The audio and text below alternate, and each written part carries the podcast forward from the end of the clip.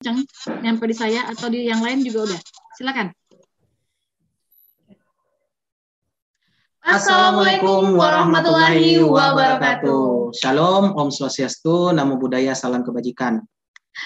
Sebelumnya kami ingin mengucapkan terima kasih kepada teman-teman kelompok satu yang telah mempercayakan saya Ahmad Amzal Maulana dan biasa dipanggil biasa dipanggil Aan dan rekan saya Nino Klaudianisa, saya sendiri biasa dipanggil Nuni yang akan memandu jalannya kuliah umum kita pada hari ini. Uh, Oke, okay. Sebelumnya, eh, teman-teman, saya ingin bertanya-tanya dulu, bagaimana kabarnya di siang hari ini? Sehat? Eh, semoga semuanya sehat ya, sehat walafiat ya. Jadi walaupun kuliah umum kita ini cuma lewat virtual, tapi saya rasa ilmunya masih bisa ditransfer dari tempat kita masing-masing nih. Dan tentunya juga teman-teman yang di rumah jangan kalah semangatnya dong, sama kalau kita melaksanakan kuliah umum secara offline. Dan juga teman-teman harus mengisi hari-hari ini dengan melakukan kegiatan yang produktif seperti mengikuti kegiatan kuliah umum kita pada hari ini. Ya. Dan juga yang tidak kalah pentingnya bahwa kita harus tetap menjaga protokol kesehatan yang ada di daerah teman-teman masing-masing ya, agar kita dapat memutus rantai COVID-19 yang telah melanda negeri kita ini. Betul sekali. Nah, tentunya nih teman-teman pasti bertanya-tanya, kenapa sih kita mesti mengangkat tema kuliah hari ini yaitu uh, critical and creative thinking? Ya, tentunya hal ini karena kita akan membahas sesuatu yang sangat menarik, yakni mengenai bagaimana sih seseorang itu harus memiliki rasa penasaran, uh, skeptis terhadap uh, sesuatu yang masih bias faktanya, bagaimana kita memformulasikan pertanyaan-pertanyaan, dan bagaimana kita caranya mengumpulkan informasi, bagaimana mempertimbangkan implikasi, serta bagaimana membandingkan perbedaan-perbedaan pikiran dan pandangan menjadi satu.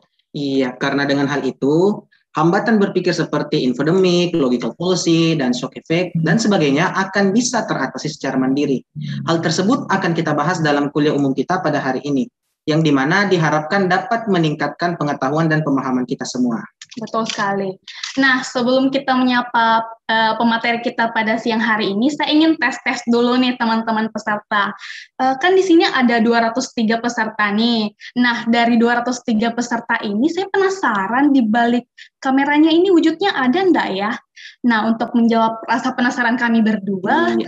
uh, saya minta dong untuk teman-teman mengirimkan satu kata di kolom chat Zoom terkait suasana hatinya teman-teman ini seperti apa. Iya, teman-teman bisa mengetikkan suasana hatinya seperti mungkin lagi senang, sedih, atau galau, atau yang lain-lainnya.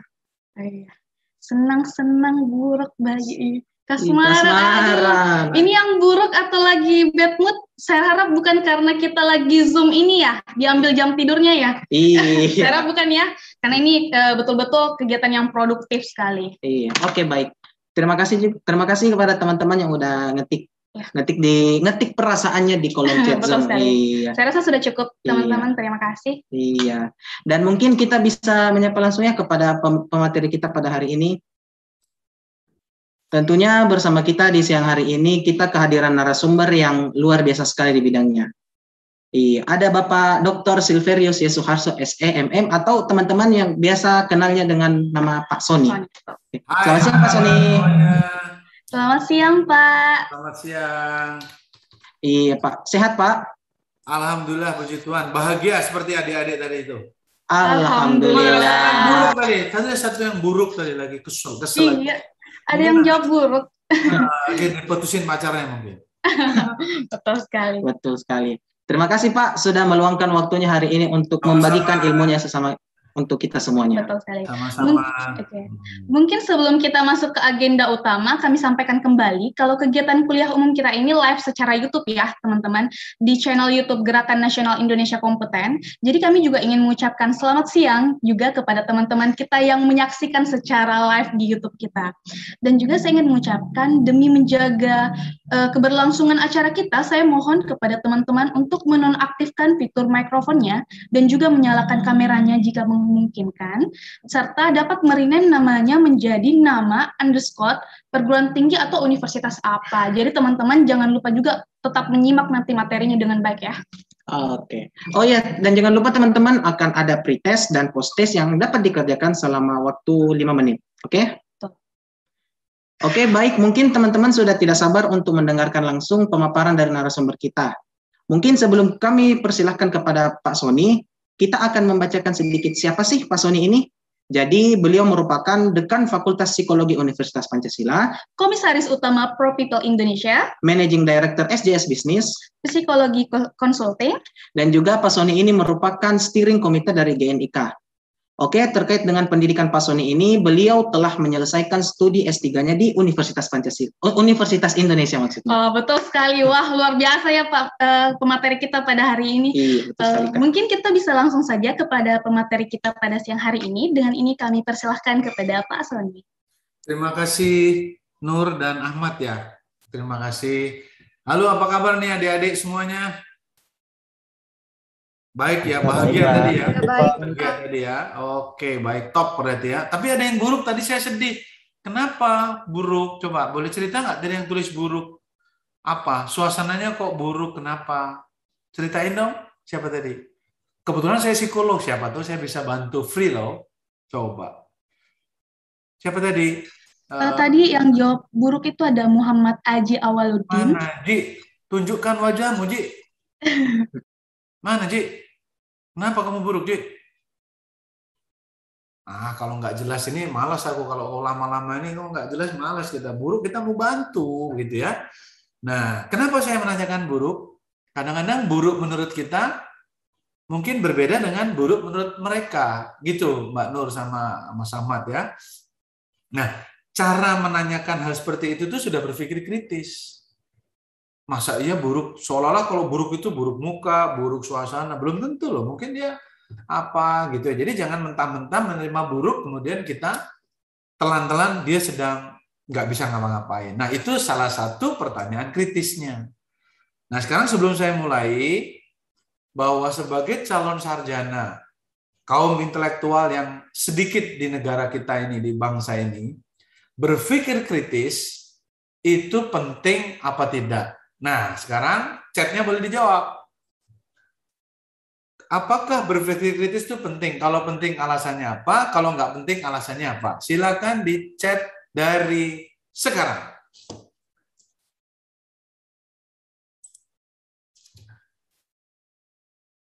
Pertanyaannya, mengapa berpikir kritis itu penting dan menurut Anda, atau kalau dia bilang nggak penting, apa? Sekarang ditulis di chat jawabannya apa? Silakan. Pendek-pendek aja.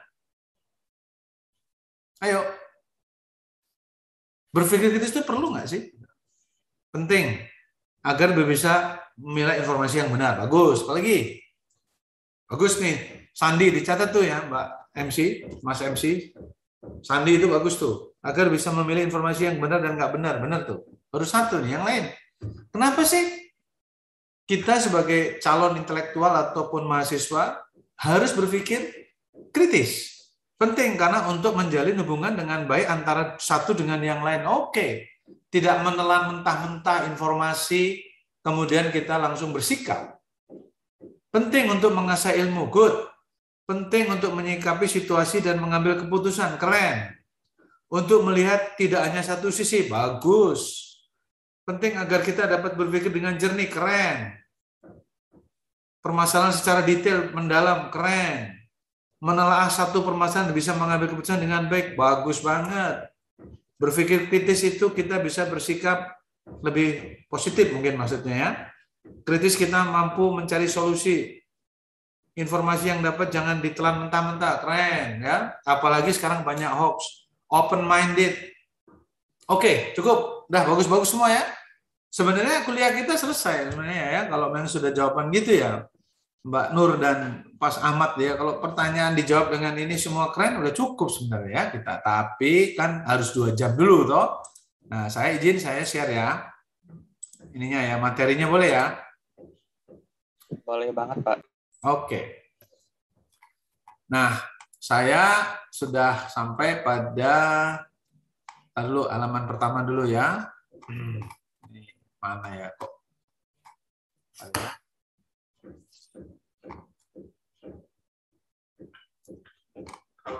Ya gimana? Yang di meja di di di di, di sofa tadi lupa bawa. Di sofa. Iya ya. Oke. Sorry ya, ini ada sedikit gangguan. Nah, ini kita akan masuk ke critical thinking, berpikir kritis untuk kemajuan diri, masyarakat, dan tentu bangsa dan negara. Kalau isinya orang-orang kritis, tadi adik-adik sudah sangat keren, Anda tidak akan terbawa oleh hoax ataupun informasi yang menyesatkan. Karena kita kaum intelektual adalah garda terdepan untuk mencerdaskan kehidupan bangsa. Pertanyaannya adalah, apakah berpikir kritis itu? Contoh berpikir kritis, mengapa perlu berpikir kritis? Bagaimana belajar berpikir kritis? Apakah itu logical fallacy? Bagaimana sesuatu itu kita salah-salahkan sampai akhirnya menjawab jawaban yang benar? Apa benar begitu? Ada kok yang begitu, ada yang begini kok, nggak benar itu ya. Tetapi bukan dalam rangka nyinyir, tetapi akan pada tataran sampai pada pendapat kita itu firm, solid, karena kita dikritik oleh berbagai pertanyaan dan kita harus jawab. Sehingga kalau nanti Anda skripsi atau tesis, bahkan disertasi, itu judulnya defense. Defense itu artinya mempertahankan pandangan, pendapat. Semakin Anda tahan menghadapi berbagai macam kritikan, dan Anda bisa mempertahankan, Anda akan jadi lulus ya, S1, S2, S3. Tapi kalau kita lemah dalam berpandangan, ya akhirnya kita mungkin menjadi nggak jelas arahnya seperti apa. Lalu manfaat berpikir kritis, diskusi dan tanda. Ini kira-kira outline kita untuk sampai nanti uh, kurang lebih dua jam ya. Setelah itu ada tugas dan akan nanti kita akan bahas di dalam uh, sesi tugas misalnya. Baik. Nah kemarin kalau nggak salah sudah dapat tentang materi creative thinking ya, Mbak uh, Nur dan Mas Ahmad ya, benar ya? dari ya, benar, Pak. ya, Pak ya. Mitfah ya. Oke. Nah, berpikir kritisnya itu sebenarnya harusnya pada tataran uh, kritikal dulu baru kreatif. Tapi kemarin kreatif dulu baru kritis nggak apa-apa. Pertanyaannya apa hubungannya dari keduanya? Kan gitu ya. Apa sih hubungan antara creative thinking dengan critical thinking? Nah, kalau creative thinking itu generatif artinya menghasilkan. Misalnya kemarin disinggung soal design thinking ya, Anda harus menghasilkan sesuatu prototype. Jadi gini, kalau kreatif thinking misalnya ada kebijakan, ada kritisi. Kebijakan ini nggak sesuai lagi dengan kondisi saat ini. Kemudian ditanya, kalau gitu usulanmu apa? Jadi nanti kalau kerja, Anda boleh kritis, tapi harus kreatif. Sehingga judulnya kreatif and kritik eh critical and creative thinking. Jadi waktu Anda mengkritis, mengkritisi, tapi solusinya apa? Jangan berhenti sampai kritis. Nah, kemarin akhirnya kita balik dulu kreatif dulu. Ya. Seharusnya diawali dengan berpikir kritis lalu berpikir kreatif, tapi nggak apa-apa. Apa kreatif? Menghasilkan sesuatu yang sifatnya solusi. Apakah produk, apakah jasa, apakah kebijakan, apakah prosedur baru, sistem baru, itu adalah kreatif. Sementara anal critical thinking itu analitik, meng menganalisa, mengurai. Kenapa begini? Banyak nanya. Kritis itu banyak bertanya. Kenapa ini? Boleh nggak bertanya? Sangat boleh. Sampai kita bisa mendapatkan jawaban yang paling tepat. Itulah sebenarnya awal kita berpikir eh, kritis, kemudian kita menghasilkan sebuah kreatif. Jadi kalau ditanya bedanya kreatif sama Kritikal apa? Kalau kritikal menganalisis, mengurai, mencari sebab, ya menganalisis. Kalau kreatif menghasilkan sesuatu ide, produk atau jasa untuk menjawab permasalahan. Dua-duanya penting, sangat penting. Apalagi S1 nanti kalian lulus kerja, mungkin belum bisa apa-apa mengenai perbankan, belum bisa apa tentang telco misalnya ya tapi dengan bekal kreatif dan critical thinking, Anda bisa bertanya, Bapak, perusahaan ini bisa dapat duit itu dari mana ya asalnya ya? Aslinya dari mana sih duitnya? Dari customer membayar apa? Membayar produk atau membayar jasa? Kalau jasa-jasanya apa, kalau produk-produknya apa? Maksudnya goods gitu ya.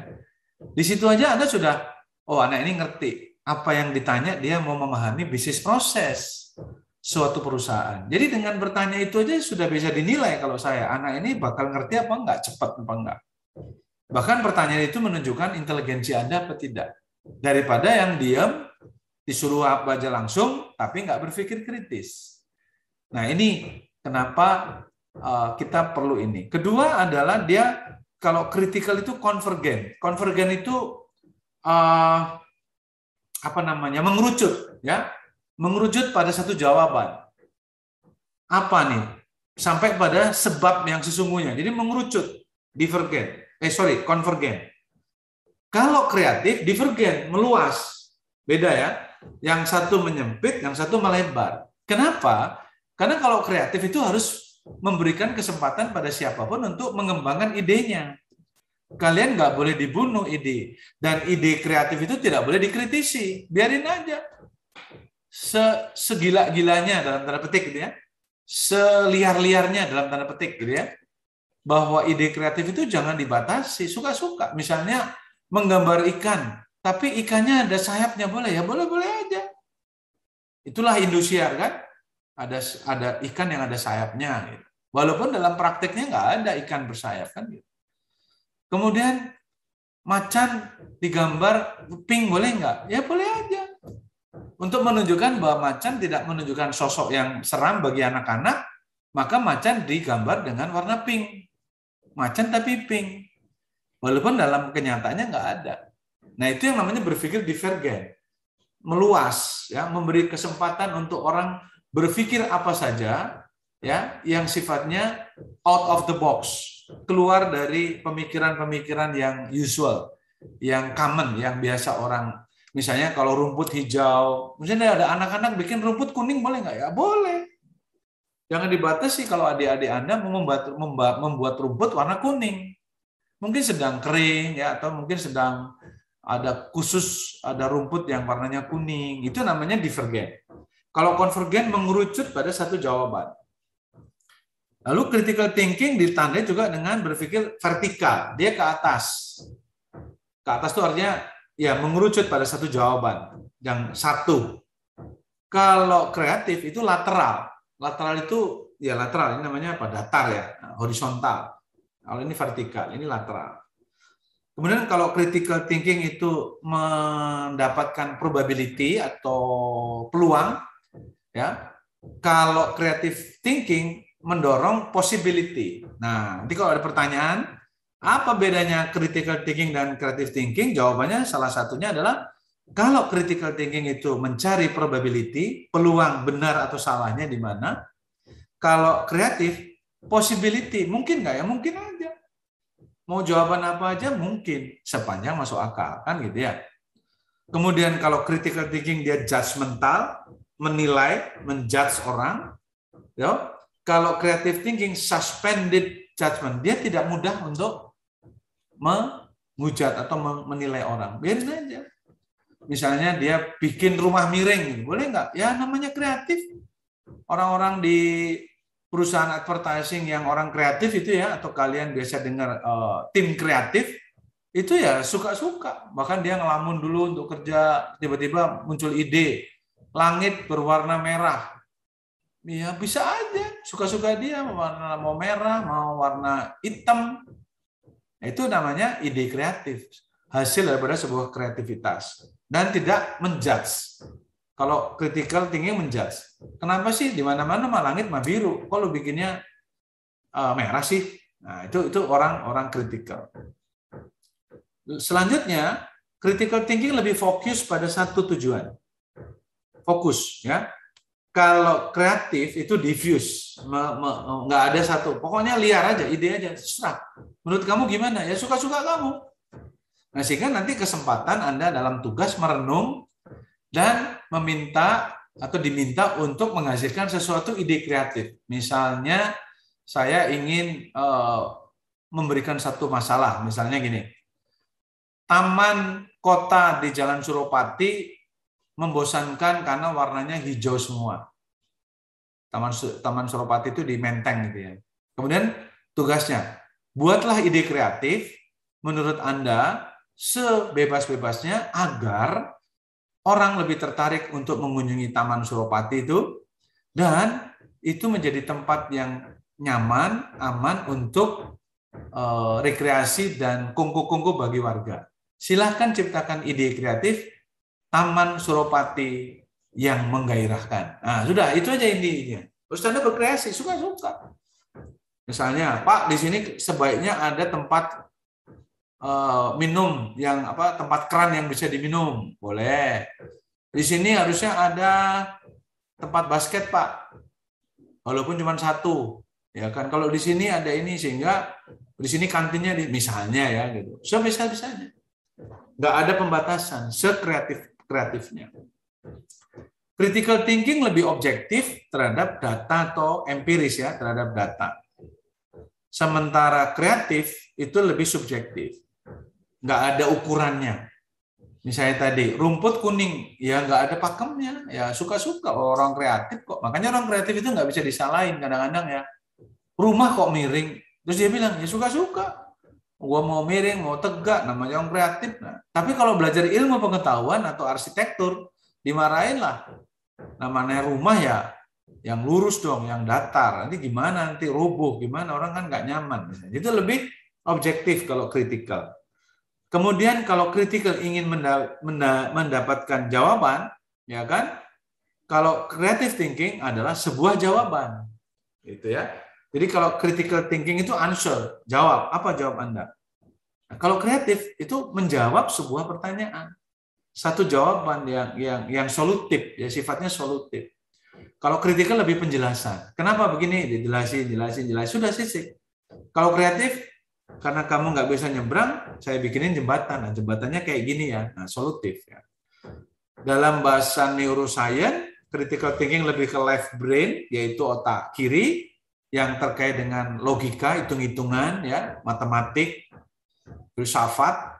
Kalau creative thinking lebih ke right brain, yaitu yang sifatnya lebih ke soft skill ya, kemudian dia lebih kepada uh, apa fleksibilitas, komunikasi ya gitu-gitu yang otak istilah saja itu ya dalam neuroscience. Otak kiri lebih ke hitung-hitungan, otak kanan lebih ke seni, art dan uh, apa ya kreativitasnya gitu. Yang terakhir critical thinking lebih verbal, lebih kata-kata, lebih narasi, membangun argumentasi kalau kreatif lebih visual, lebih gambar-gambar gitu ya. Nah, ini kira-kira menyambung kemarin Pak Mitfah, apa hubungannya antara critical thinking dan creative thinking? Nah, sampai di sini Mbak MC dan Mas MC, mungkin ada adik-adik kita yang ingin bertanya, mungkin kesempatan saya berikan dulu sebelum saya eh, lanjutkan supaya nggak terlalu panjang dan eh, membosankan. Ya, silakan.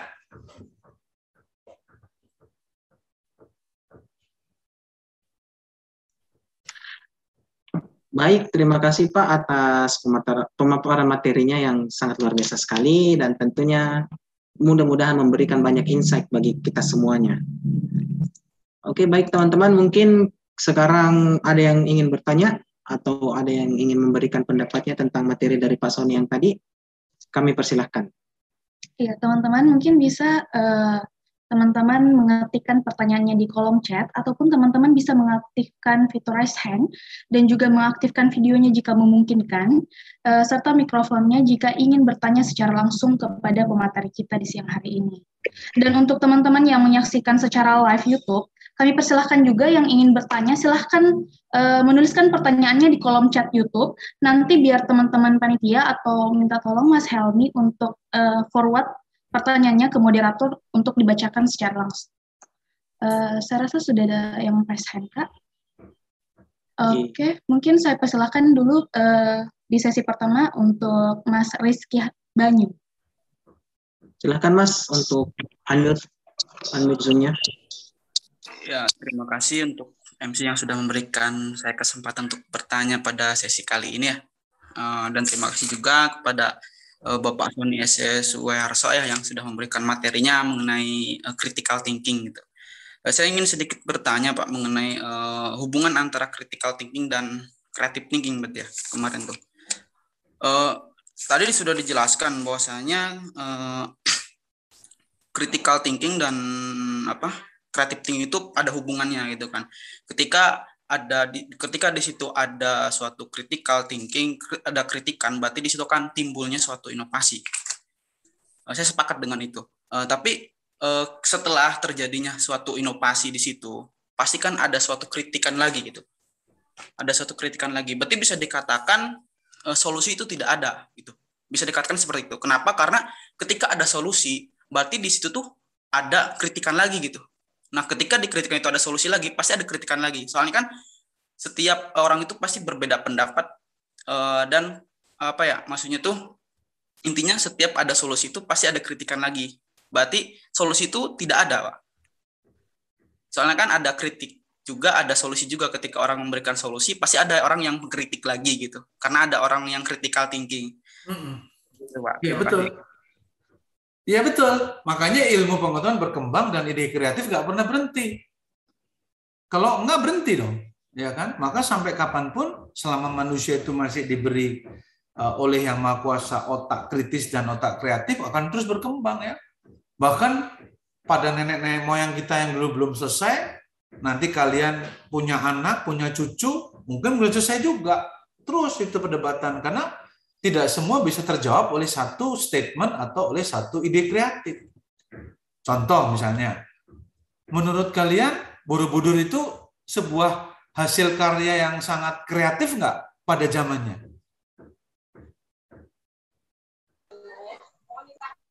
Kreatif, Pak. Iya kan, Rizka ya? Itu oleh siapa? Oleh nenek moyang, nenek moyang kita. Tapi pertanyaannya, kok bisa? Dulu nenek moyang kita belum ada teknologi yang hebat itu kok sudah bisa bikin satu bangunan yang kalau ada gempa nggak rubuh? Sementara kita dengan teori-teori dan ilmu pengetahuan barat dengan arsitekturnya dan sipil engineeringnya dengan bangunan yang kokoh hari ini begitu ada gempa langsung rubuh. Gimana itu? Kan gitu pertanyaan kritisnya. Ya kan? Lalu pertanyaan kreatifnya bisa nggak kita nggak usah jauh bikin bikin prototipe Borobudur yang persis sama aja di sekarang ini, ya kan? Untuk bisa mengatakan bahwa generasi hari ini pun tidak kalah kreatif dengan generasi nenek moyang kita dulu. Nah, coba mungkin ada orang yang pernah bikin prototipe Borobudur, ya kan? Nah, itu itu terus berkembang. Betul sekali. Tetapi dalam hal creative thinking itu adalah solusi Misalnya, uh, bagaimana menciptakan produk shampoo yang nggak mudah gatal bagi yang berhijab misalnya. Makanya muncul shampoo apa hijab khusus untuk wanita berhijab yang tidak gatal. Nah, itu kreatif. Baik kemasannya maupun apanya. Terus orang yang kritis perlu nggak? Perlu. Masa cuman segini 5 mili, bagusnya yang dua yang 10 mili dong atau yang 300 mili. Itu mah terlalu cepat habis. Muncul lagi ide kreatif. Jadi antara kreatif dan kritikal itu saling mensupport. Kreatif memberikan solusi, kritikal menantang, men-challenge gitu kan. Men-challenge terus, challenge terus gitu. Sehingga tadi makanya dalam GNIK kita sepakati satu kesatuan, critical and creative thinking kreatif berasal dari hasil kerja kritikal. Ya kan? Kritikal memperkuat orang untuk berpikir kreatif. Gitu. Terus begitu, ya. Kira-kira bisa menjawab pertanyaan enggak, uh, Rizky? Iya Pak, saya sedikit menangkap uh, bisa menangkap begitu. Uh, artinya uh, berarti solusi itu uh, bukan hanya apa solusi itu bisa diartikan solusi itu bisa diartikan uh, apa ya ada tapi berkelanjutan gitu pak. Iya. Berhenti dalam iya. satu titik saja. Iya betul. Contoh kayak handphone kita dulu ya, start dari SMS ya kan gitu. Solusi kan. Orang zaman itu solusi SMS orang nggak usah pakai pager. Kalian dulu kan belum pernah tahu ya pager gitu ya, yang tweet tweet tweet tweet tweet tweet gitu ya. Kemudian kita lihat ada teks gitu. Muncul SMS ya kan. Muncul sekarang WhatsApp, muncul apa terus nanti berkembang terus. Bahkan tadinya komputer yang tadinya disket, masih kalian masih pernah dengar disket nggak? Atau pernah lihat itu barangnya pernah, disket? Pak. Pernah ya. Mulai disket yang lebar, kemudian disket yang kecil, ya kan? Terus sampai sekarang USB, bahkan sekarang komputer-komputer sudah nggak ada tuh tempat untuk uh, disket ya. Bahkan sudah ada nggak untuk tempat CD pun sudah nggak ada. Nah, terus akan berkembang gitu. Sampai kapan? Sampai manusia sudah nggak ada lagi di bumi ini, gitu. Jadi tidak ada solusi mutlak yang sekali jadi selesai buat semuanya. Itu kira-kira, Riz. Ya, siapa? Terima kasih, Pak. Oke. Lanjut. Siapa lagi? Itu ada yang angkat tangan itu, Mas uh, Oke, okay. mungkin uh, dari tadi kan sudah yang press hand. Kita beralih dulu ke, ke ke kolom chat dulu karena ada yang di kolom chat juga. Oke, okay, silakan. Oke, ini dari Mutia Nurul. Pertanyaannya seperti ini, Pak. Maaf izin bertanya Pak, dalam alur berpikir yang baik untuk problem solving, mana yang lebih dulu ya Pak? Critical thinking terlebih dahulu atau creative thinking? Atau bagaimana baiknya Pak? Terima ya, kasih. Benar dijawab. Benar dijawab. Critical. Okay. Critical oh. dulu, ya kan? Apa? Dia cuman reasoning, dia dia reasoning, dia akan akan berpikir, dia memikirkan dulu. Jawabannya yes, tapi ya saya setuju, tapi kenapa nggak bisa lebih baik lagi? Kenapa nggak begini? Kenapa nggak begitu? Nah, lalu si, si kreatif bilang, yes, kalau gitu yang tadinya 10 mili, saya bikin 20 mili ya. Kalau gitu yang tadi warnanya pink, saya bikin warna hijau ya. Gitu. Jadi dalam pandangan saya kritis dulu. Kritis memicu orang untuk berpikir kreatif. Gitu loh. Kreatif menyisakan pertanyaan kritis. Terus itu. Ya, maka ini kedua-duanya saling berhubungan. Jadi kalian sebagai calon-calon pemimpin bangsa ini dua-duanya sangat penting. Jadi jangan menerima mentah-mentah apa pun. Ya, kecuali agama mungkin ya. Kalau Anda yakin dengan atau kita harus yakin dengan keyakinan kita, itu ya nggak ada pertanyaan. Walaupun dalam filsafat masih ada pertanyaan. Misalnya, bagaimana Anda membuktikan bahwa Tuhan itu ada? Allah itu ada. Apa buktinya? Nah, itu kan pertanyaan. Pertanyaan ilmuwan ya gitu, bukan pertanyaan agama ya. Kalau agama ya sudah selesai. Tapi ini pertanyaan ilmuwan. Kalian kalian adalah dari mahasiswa perguruan tinggi pendidikannya nanti keluarannya adalah seorang sarjana yang intelek, yang ilmuwan, yang kompeten di bidang ilmunya. Lalu pertanyaannya misalnya saya tanya, bawalah ke tempat saya kendaraan. Nih, Mas MC dan Mbak MC, tanyakan ke adik-adik kita. Di chat boleh, diajak ngomong langsung boleh.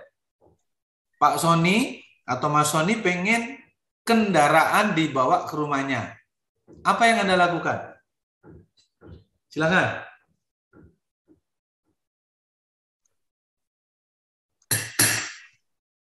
Ada?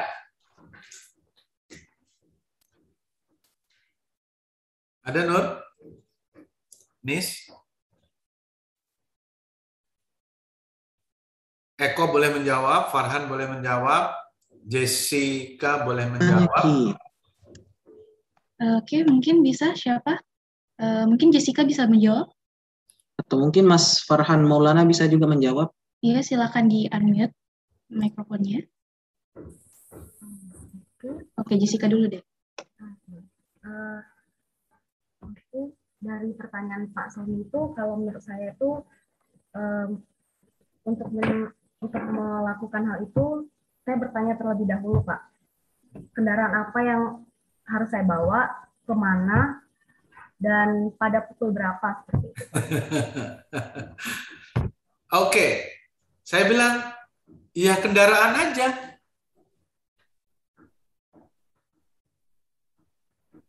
Bawain saya kendaraan, Jess.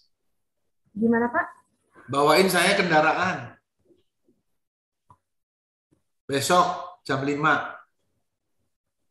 Oh, Oke, okay. kalau saya sendiri sih, uh, saya akan membawakan kendaraan mobil, Pak. Mobil?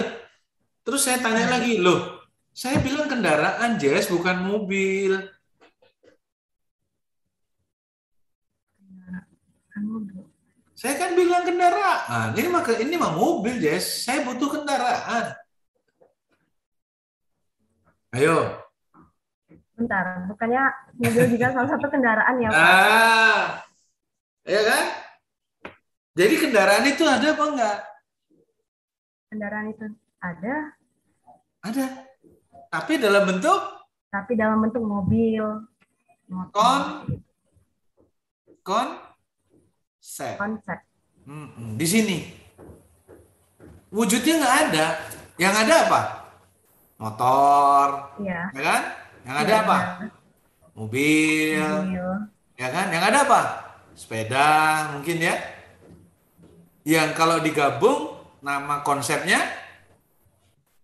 kan Kendaraan. Kendaraan. Kalau ditanya kendaraannya mana? Nggak ada. Sekarang uji lagi, diskusi lagi, ya. Jelaskan pada saya biru. Farhan, biru itu apa? Biru. Ah, menjawab ya Pak ya.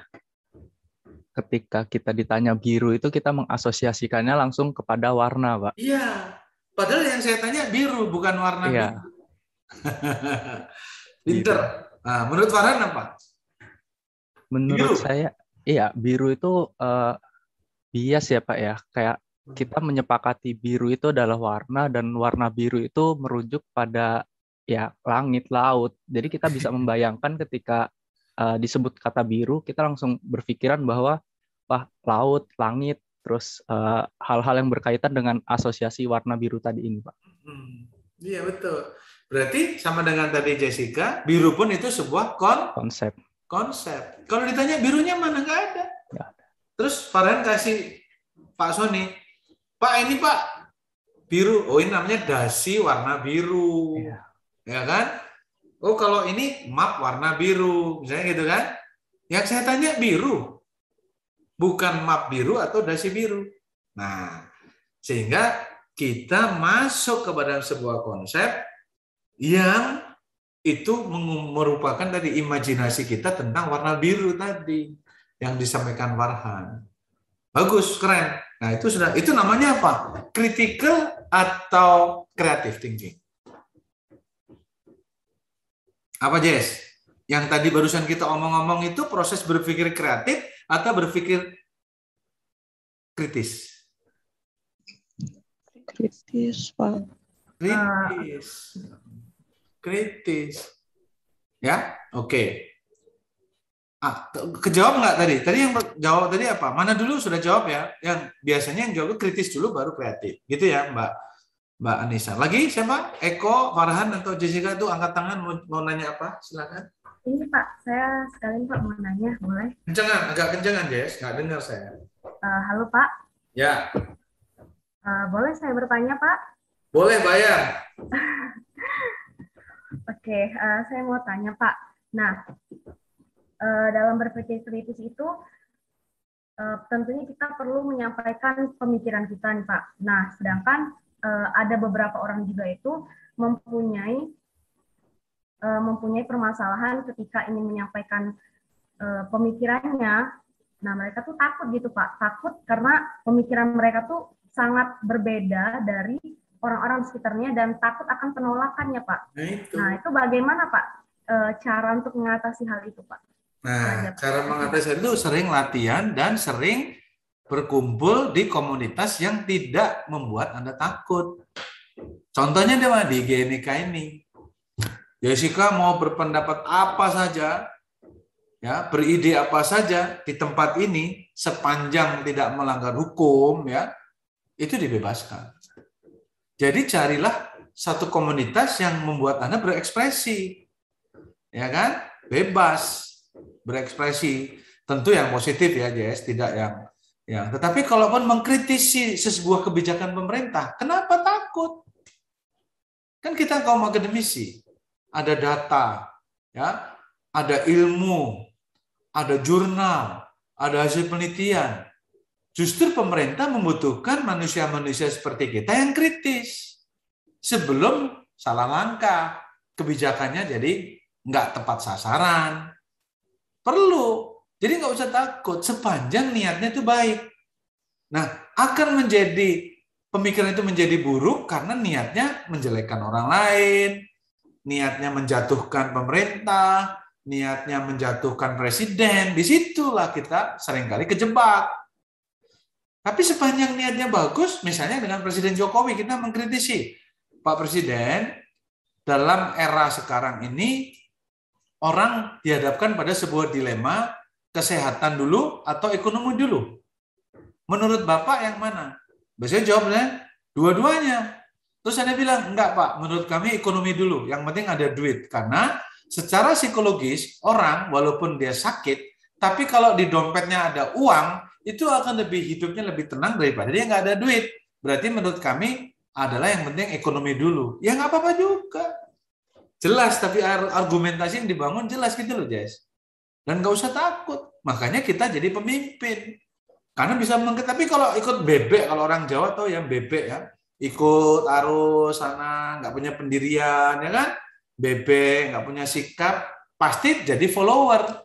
Bukan memimpin, tapi jadi pengikut bebek aja gitu. Nah, saya sebagai senior kalian, sebagai kakak kalian, nggak ingin anak-anak yang hebat-hebat kalian ini jadi ngekor, nggak kreatif, ya nggak berani mengeluarkan pendapat, ya kan? Sepanjang, yang penting niatnya dulu. Niatnya itu baik apa enggak? Niat itu memang susah, tapi ya dari hati kita dong. Saya itu sayang sama negara ini, tapi saya nggak mau seperti ini. Itu juga nggak apa-apa. Kan gitu. Jadi jangan pernah takut atas itu, apalagi berbeda, nggak apa-apa, Jess. Ya, bilang sama mereka karena saya sudah dididik oleh GNIK melalui para senior-senior orang-orang yang hebat-hebat itu, saya tidak akan pernah takut berbeda dengan anak karena itu berpikir kreatif. Berpikir kreatif muncul karena sebagai solusi karena berpikir kritis. Boleh nggak kritis? Ya boleh. Itulah fungsi mencerdaskan kehidupan bangsa. Tapi kalau kita nggak kritis ya akan dijajah terus oleh bangsa lain selama tiga setengah abad. Bayangkan, mau nggak tiga setengah abad lagi kalian ya kita semua dijajah lagi anak cucu kita udah nggak ngerti lagi sampai kapan. Tidak ada kemerdekaan dalam proses berpikir.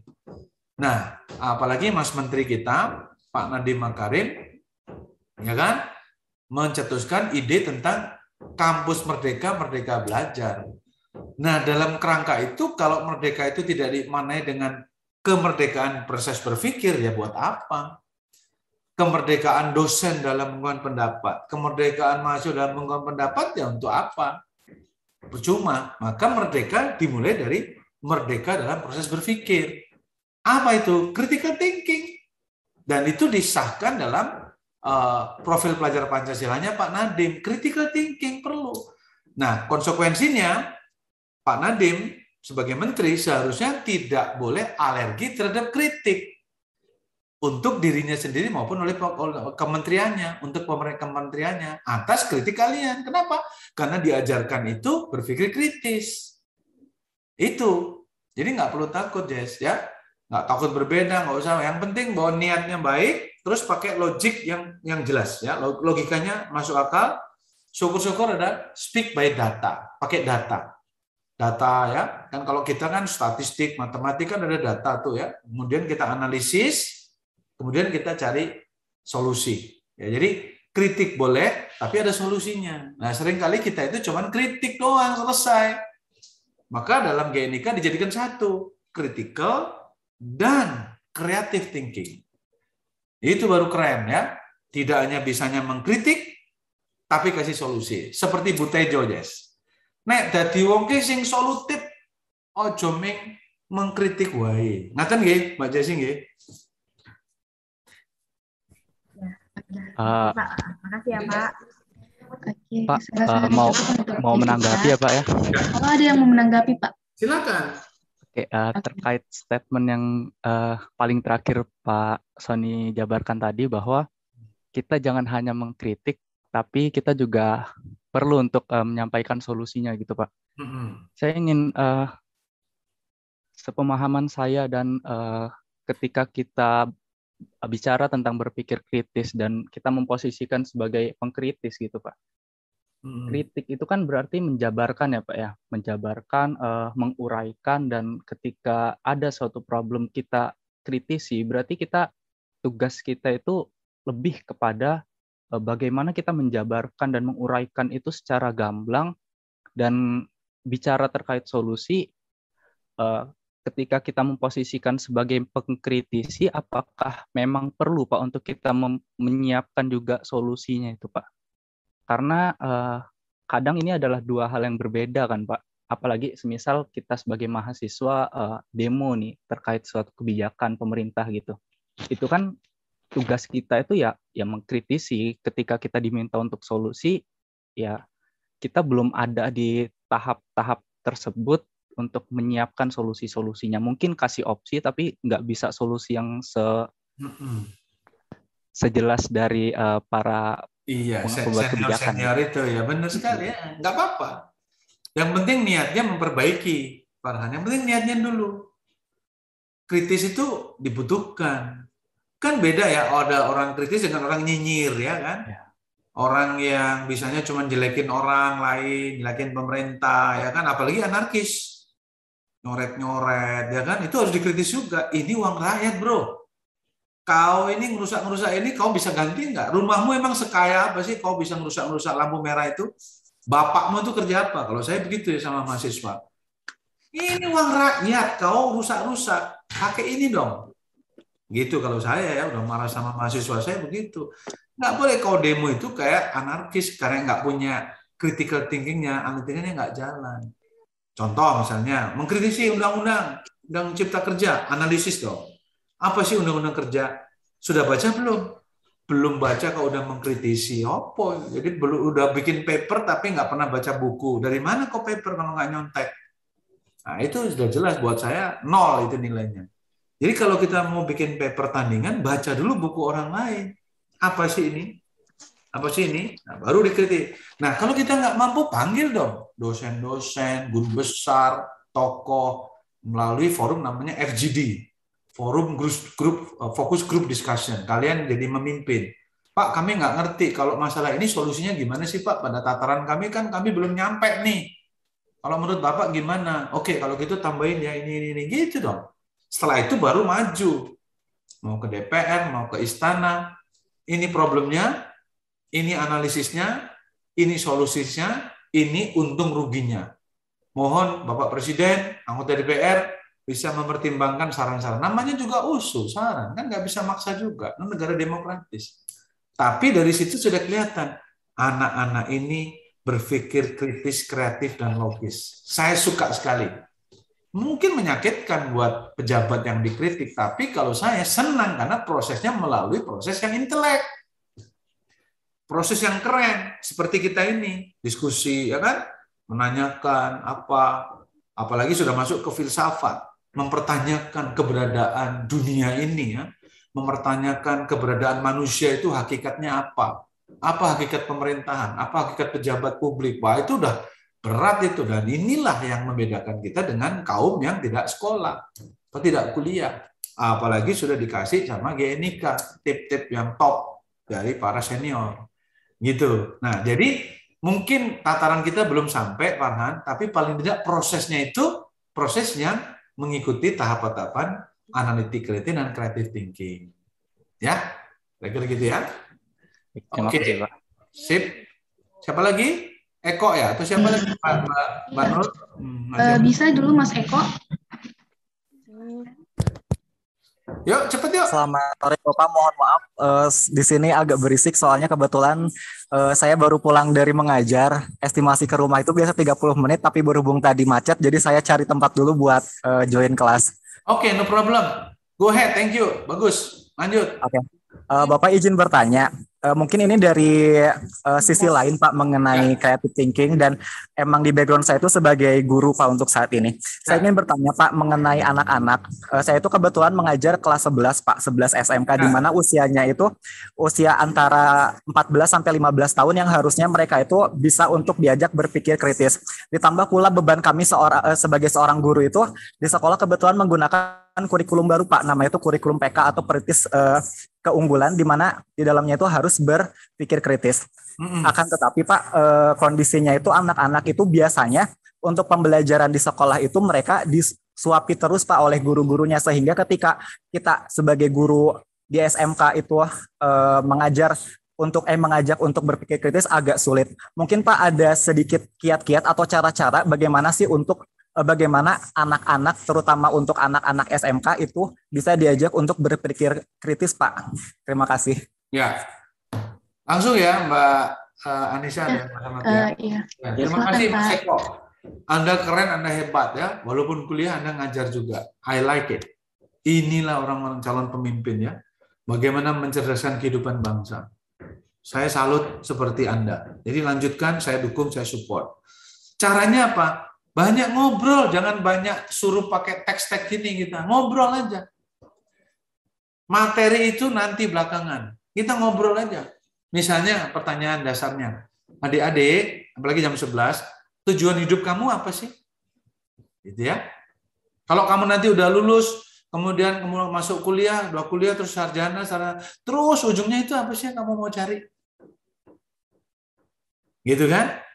Ujungnya kebahagiaan. Oke. Kalau gitu, kalau ujungnya kebahagiaan, apakah perlu dengan sekolah? Ada kan orang sekarang bahagia nggak usah sekolah juga. Kapan sih kamu sekolah? Nah, jadi metodologi pembelajarannya harus diubah. Nggak bisa pakai target. Halaman sekian harus selesai dibaca. Halaman sekian ini, itu suruh baca di rumah aja. Tapi ngobrol kayak gini, diskusi. Lalu tanya satu-satu ya. Kalau di offline saya lebih enak. Kalian 200 saya tanya satu-satu. Coba kamu berdiri, maju ke depan. Apa tujuan hidup kamu?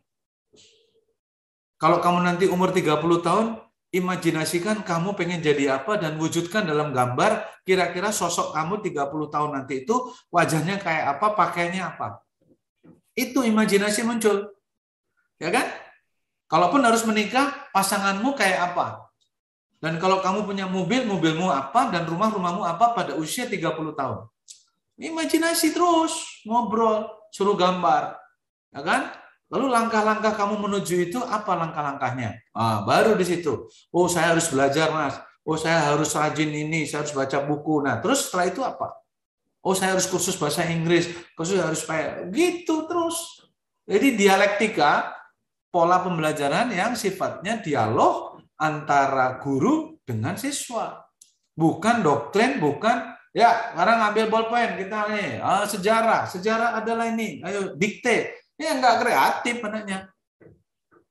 Duduk manis saja. Maka kita selalu kalah dengan negara-negara lain dalam hal matematik kalah, ilmu sosial kalah, logika kalah. Kenapa? Karena doktrin one way. Seolah-olah paling benar tuh gurunya. Padahal gurunya juga nyontek dari Mbah Google.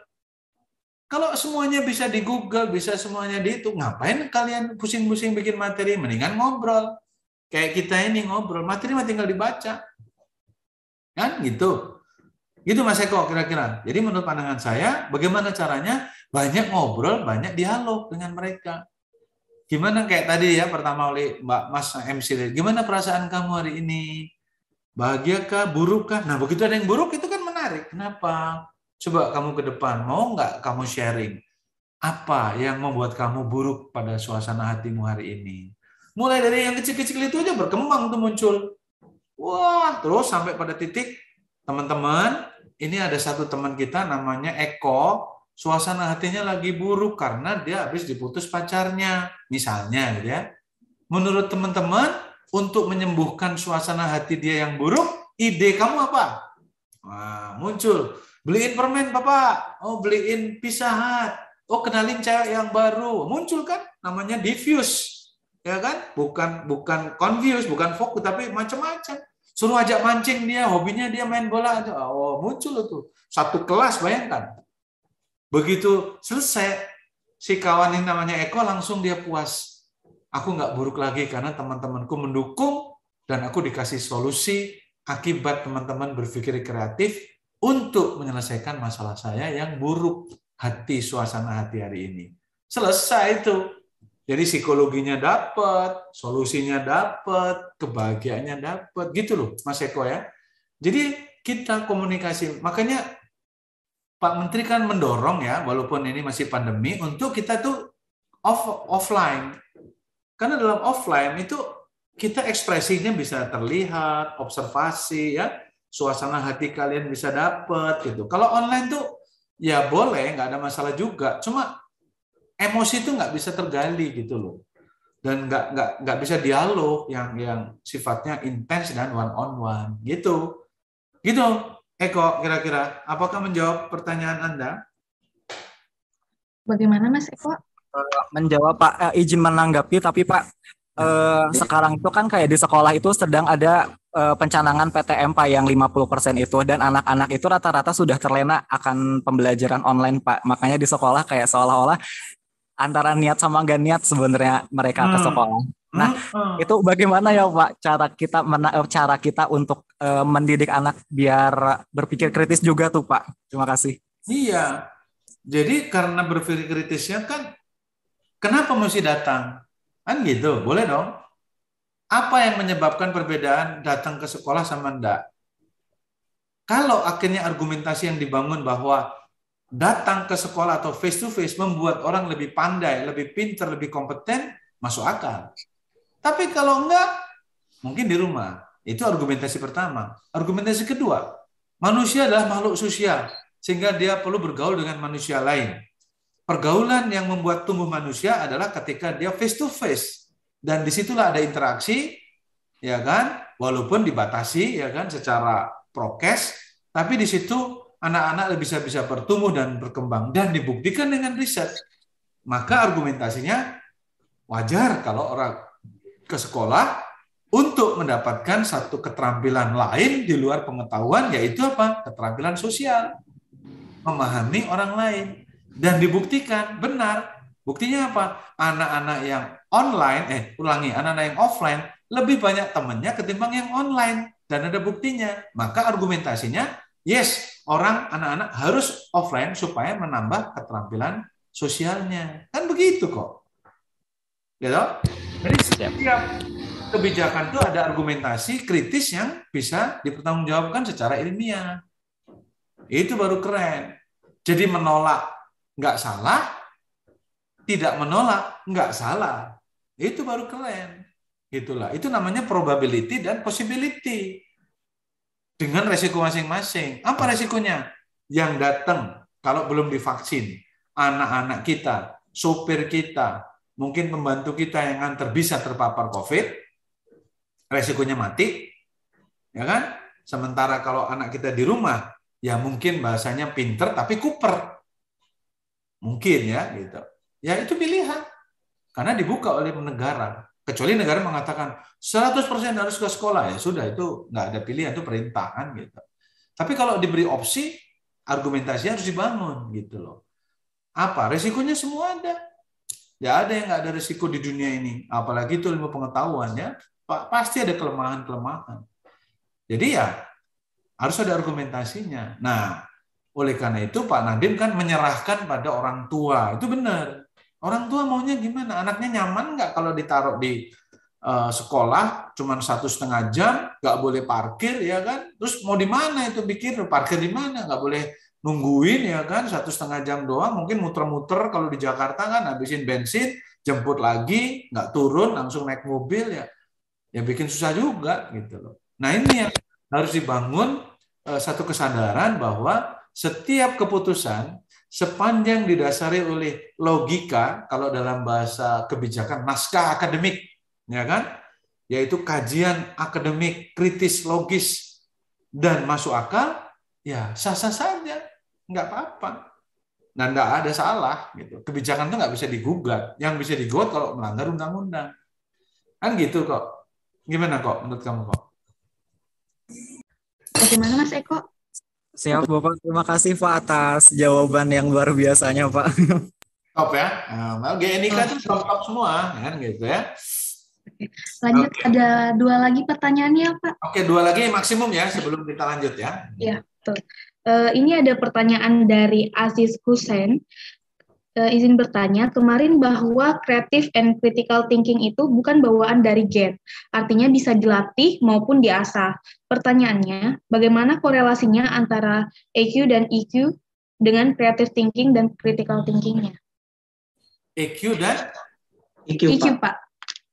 AQ, maksudnya uh, adversity dan emotional. Iya, ya, betul emotional. Pak. Itu ya. Ya, emosional kan lebih kepada pengendalian diri ya. Tidak mudah baperan tidak mudah eh, apa istilahnya itu tidak mudah irritable ya. Mudah marah mudah tersinggung. Itu kecerdasan emosi.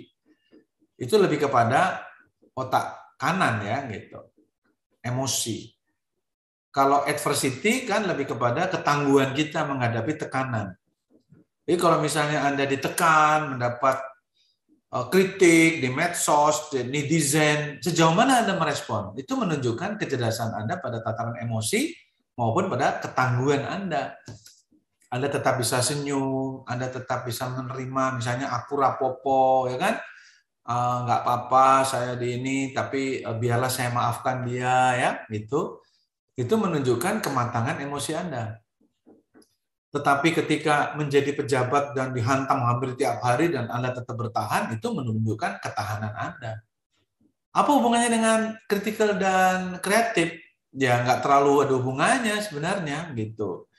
Ya cuma uh, kalau kita menggunakan kreat, uh, analytical dalam menghadapi kritik misalnya atau itu ada bagusnya karena lebih objektif. Ya kan tadi kan sudah ada itu objektif ya kalau kreatif subjektif gitu.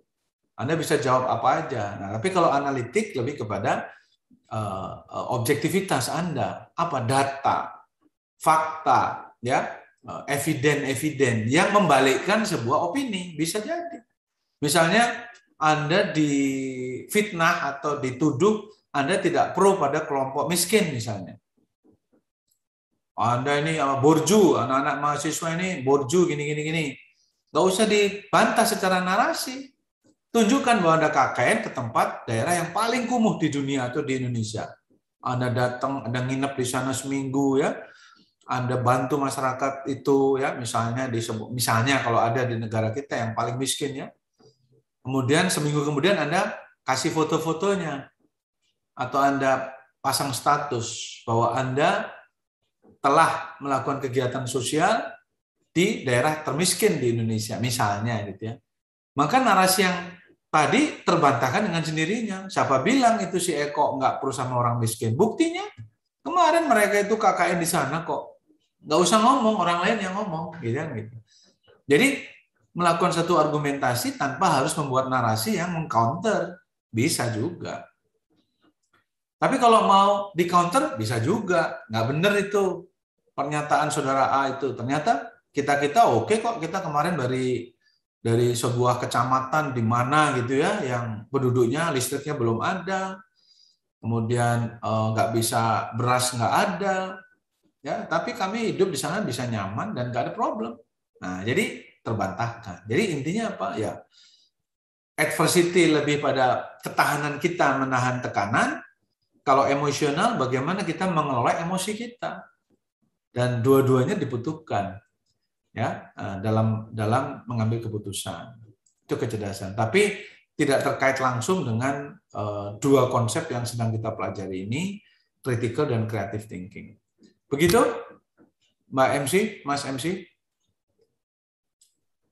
iya betul sekali Pak. Pak Sony ada satu pertanyaan lagi Pak ya. dari iya, dari Ahmad. ya. iya dari Ahmad Fauzan. Ah. izin bertanya Pak Salah satu ketentuan yang baik dalam berpikir kreatif ialah tidak boleh memberikan judge kepada ide tersebut yang mengindikasikan bahwa ide ide kreatif selalu benar. Hmm. Padahal dalam hukum alam ada yang salah ada yang salah dan ada yang benar. Hmm. Dalam konsep ide tersebut memungkinkan ide tersebut menjadi ide yang brilian tetapi membutuhkan keilmuan terbarukan yang dapat mendukung untuk terhubungnya antara masalah antara masalah saat ini dengan ide kreatif tersebut agar menghasilkan solusi yang solutif. Apakah dengan pemikiran tersebut berarti bahwa pemikiran kreatif akan selalu benar atau berkemungkinan benar, Pak? Terima kasih. Iya. Itu Pak. Berpikir kreatif itu subjektif, suka-suka lu. Benar. Tapi atas atas nama kreativitas gitu ya. Itu bukan atas dasar nyinyir, nggak suka sama orang ya kan? Tapi atas dasar kreativitas itu sendiri. Yang ujungnya adalah solutif tadi gitu. Apakah bisa dipelajari? Betul dua-duanya bisa dipelajari karena ada sering. Makanya ini kita dialog. Kemudian ada tugas nanti anda harus membuat satu prototipe atas pemikiran kritis. Misalnya buatlah sebuah iklan ya iklan apa uh, rekrutmen mahasiswa untuk aktif di bidang uh, apa senat mahasiswa atau BPM. Silakan Anda bikin iklannya sekreatif mungkin. Boleh aja. Tentunya kreativitas itu harus dibatasi dengan etika juga dan estetika. Kreatif suka-suka ada juga, tapi nggak nggak etis dan tidak estetis, tidak tidak ada seninya ya, ya nggak laku juga. Ya, gitu. Masih ada prasyarat-prasyarat lain untuk sebuah kreativitas bisa diterima. Misalnya original originalitasnya, tidak menyinggung sara misalnya, ya kan? Lalu estetikanya menarik, keren dan top lah gitu kayak kualitas dari luar negeri misalnya. Itu boleh juga. Artinya tidak semata-mata kreativitas itu benar seluruhnya enggak juga, ada batasan-batasannya juga. Misalnya tidak boleh pornografi, tidak boleh menyinggung sara, ya kan? Tidak boleh apa pun ya tadi sudah ya atau kekerasan. Ya gitu-gitu dong. Karena ruang kreativitas itu tidak di ruang hampa, tidak di isolated uh, room ya atau space, tetapi dia ada norma-norma yang membatasi gitu ya. Tapi prinsipnya kreativitas itu tidak boleh dipaksa, tapi juga tidak boleh dibatas-batasi uh, dalam pengertian tadi, dalam pengertian uh, sepanjang etis, sepanjang tidak menyinggung sara ya suka-sukalah itu. Itu itu sah-sah saja.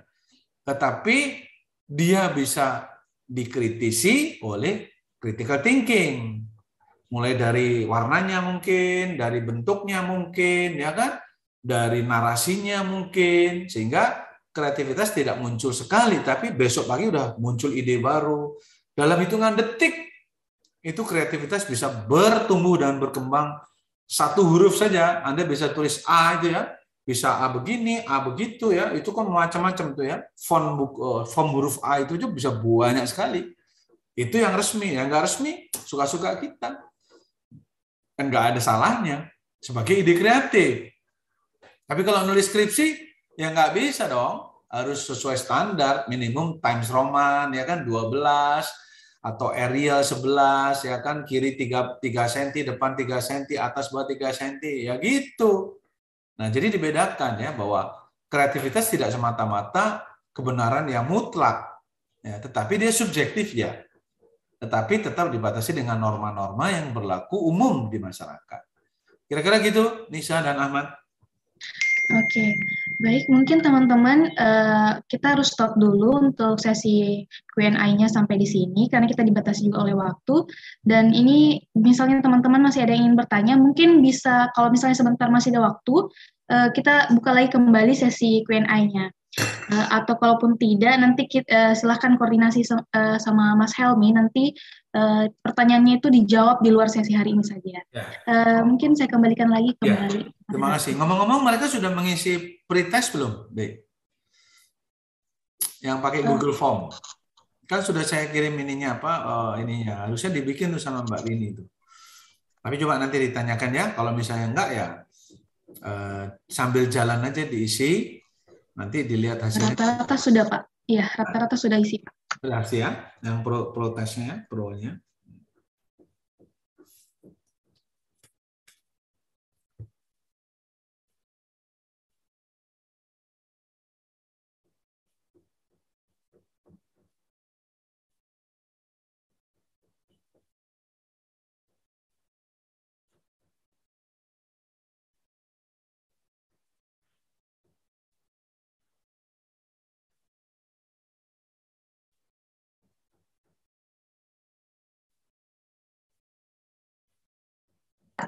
Permisi Pak, eh, rata-rata teman-teman udah isi Q&A-nya di Zoom.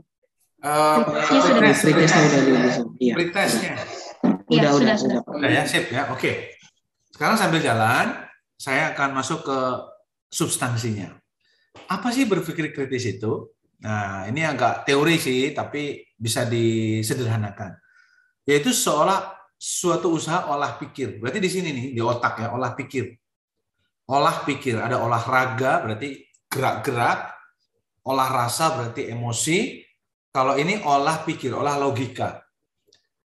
Mahasiswa namanya mahasiswa, maha, maha kuasa ya kan, maha besar ya, maha indah, maha apa saja, maha, maha. Berarti mengat, lebih hebat di atas siswa.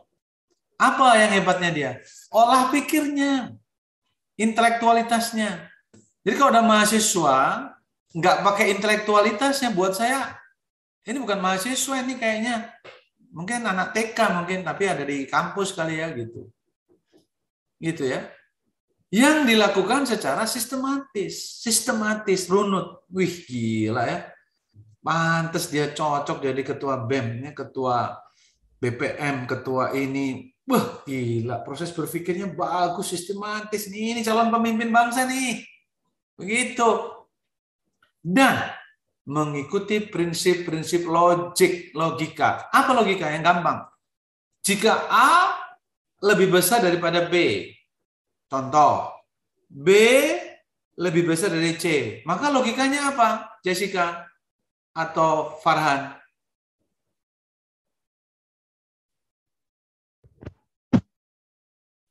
Maka A lebih besar dari C. Nah, jelas kan? Ya, logis kan, Han? Iya, Pak. Ini ada yang ngeyel. Enggak. A lebih besar kecil dari C. Ngotot gitu ya. Buat kita kan ketawa. Lu sebenarnya logika lu di mana sih gitu. Di mana-mana mah A lebih daripada C. Dia ngotot. Enggak, Farhan. A lebih kecil daripada C. Enggak bisa. Oh, terus kamu berantem. Ditanggapin nggak tuh orang-orang kayak gitu ya. Enggak logis gitu ya. Ya kan? Serta mempertimbangkan berbagai sudut pandang untuk memahami dan mengevaluasi informasi dengan tujuan menentukan apakah informasi itu diterima, ditolak, atau ditangguhkan penilaiannya. Tuh, keren nggak tuh definisinya ya? Oleh Mas Bagus Takwin, ada merujuk pada More, Parker, Mayer, dan sebagainya, dan sebagainya. Itu ya, tokoh-tokoh dunia itu. Olah pikir, sistematis, Kata kuncinya ya, olah pikir, sistematis, logis, mempertimbangkan berbagai sudut pandang. Even satu orang keberatan, coba ditanya, kenapa kamu keberatan? Dalam hal mana kamu keberatan? Bisa diterima oleh sebagian besar orang? Kalaupun enggak, apa yang bisa kita bantu untuk memberikan solusi bagi satu orang ini, meskipun satu orang. Sehingga kita ada namanya wisdom, love of wisdom. Kebajikan ya gila ya Farham itu wisdom banget ya. Walaupun dia udah mati-matian, dia tuh mau tuh berkorban tuh ngasih temennya tuh makanan tuh. Walaupun dia sendiri nggak makan tuh, lihat tuh. Orang langsung, ih gila kebajikannya luar biasa ya pemimpin itu ya. Karena dia apa? Karena dia peduli pada satu orang yang berbeda. Dan dia bisa mengakomodir. Walaupun mungkin sebagian besar nggak sepakat. Tapi dia melakukan satu wisdom. Nah, proses berpikir kritis itu nggak semua orang dan tidak semua intelektualitas pun bisa melakukan berpikir kritis kalau dia nggak punya wisdom, gitu ya. Sehingga berpikir kritis sebagai pertimbangan yang aktif dan teliti mengenai sebuah keyakinan atau bentuk pengetahuan yang diterima begitu saja. Jadi jangan hanya diterima kemudian tapi diteliti lagi. Coba apa benar nggak ini? Bener nggak ini hoax? Bener nggak ini hate speech? Ini menyinggung perasaan orang nggak? Ini kalau gue deliver kira-kira berpengaruh nggak pada perasaan temen gue? Kalau ini gue share kira-kira temen gue yang itu marah nggak ya? Ada pertimbangan-pertimbangan yang akhirnya kita tidak bisa sembarangan menerima sesuatu itu pun. Tahan dulu, ditangguhkan dulu penilaiannya. Bahkan ditolak. Nggak, nggak, nggak, nggak, ini nggak bener, ini nggak, ini nggak Pancasilais ini.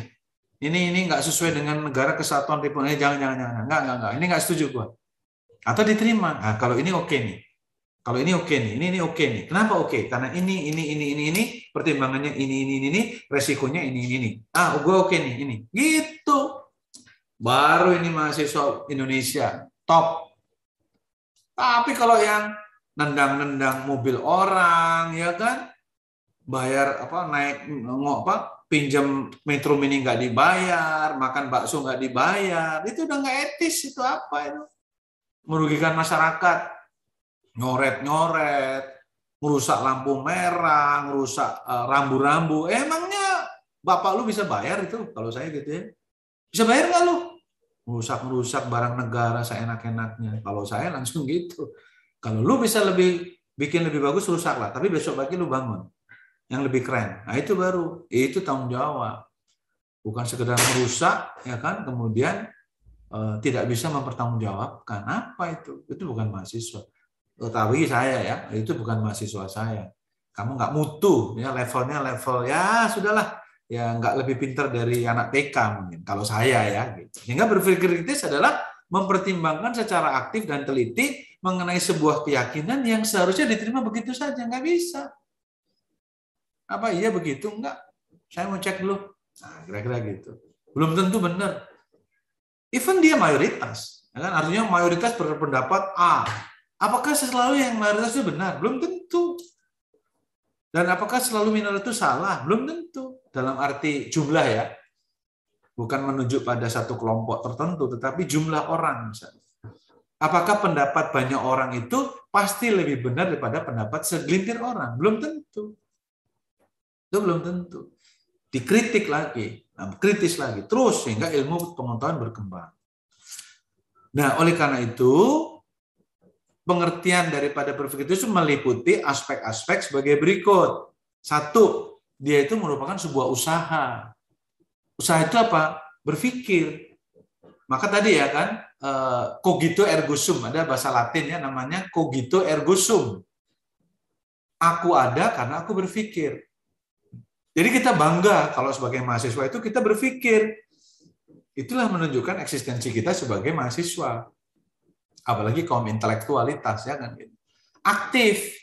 Proses yang aktif bukan pasif, diem, tiba-tiba marah ya kan? pasif, diem, tiba-tiba mengkritik. Ah, nggak ada dialog, nggak ada dialektika. Itu bukan berpikir kritis, itu suka-suka aja. Ngawur kadang-kadang malah ya.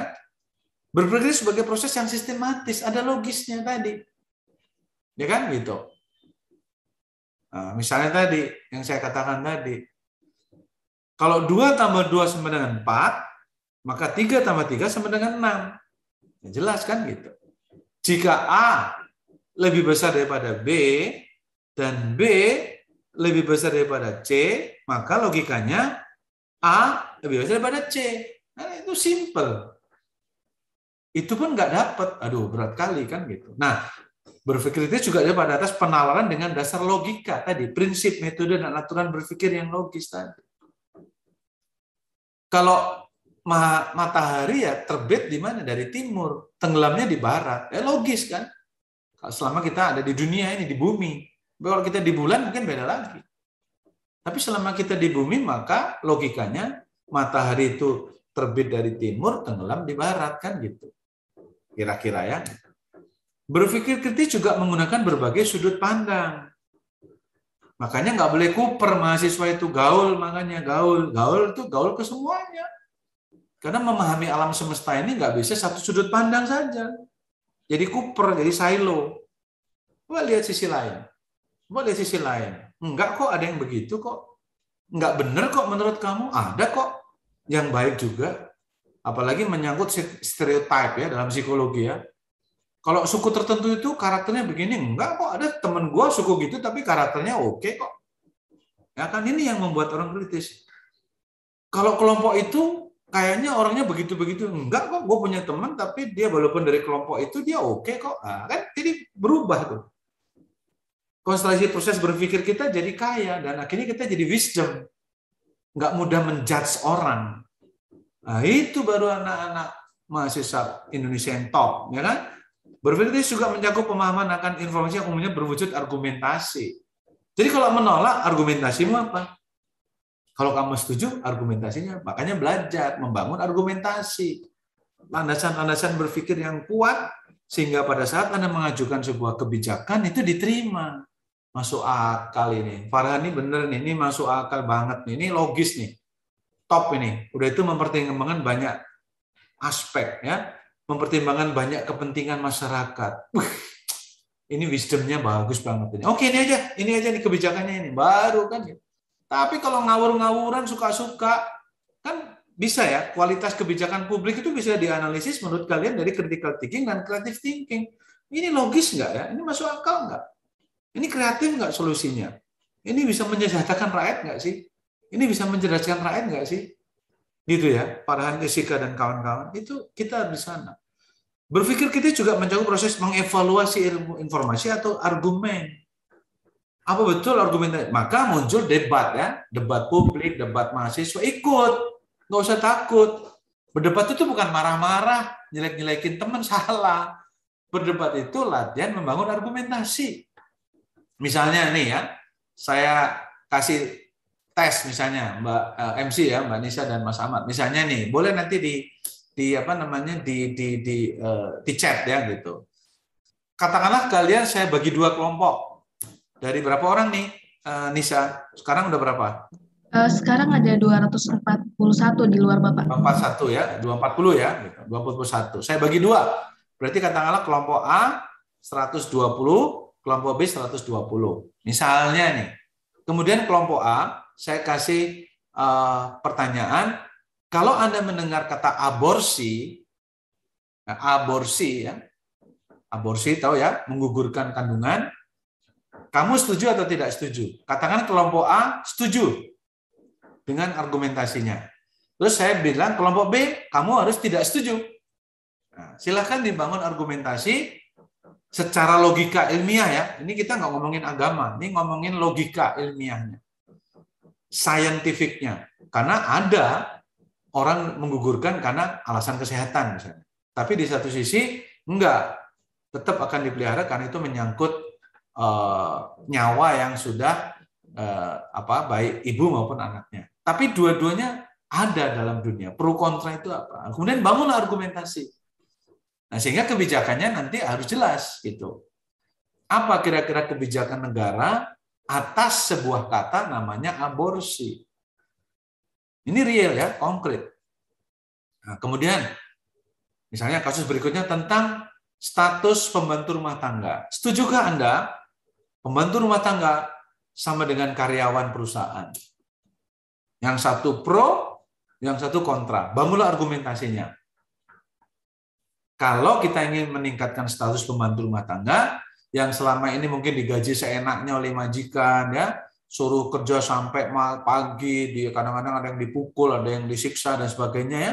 Sekarang diubah undang-undangnya harus dia diperlakukan sebagai karyawan dengan gaji UMR. Nah, kan? Pembantu rumah tangga nih. Lalu kita membangun argumentasi. Kelompok A setuju, kelompok B tidak setuju. Bangun argumentasi. Nah, kemudian diberdebatkan. Di situlah dialektika pola pikir tadi berjalan. Nah, sampai pada keputusan nanti apa yang bisa menyangkut dua-duanya ini bisa diakomodir, itulah wisdomnya. Kan gitu. Ketika dua kepentingan bisa disatukan, itulah pemimpin hebatnya di situ. Itu wisdomnya udah udah naik tingkat lagi, tidak ilmuwan itu sudah filsuf ya, udah udah wisdom, udah filsuf, bijaksana. Baru itu top. Baru Anda bisa memimpin dunia.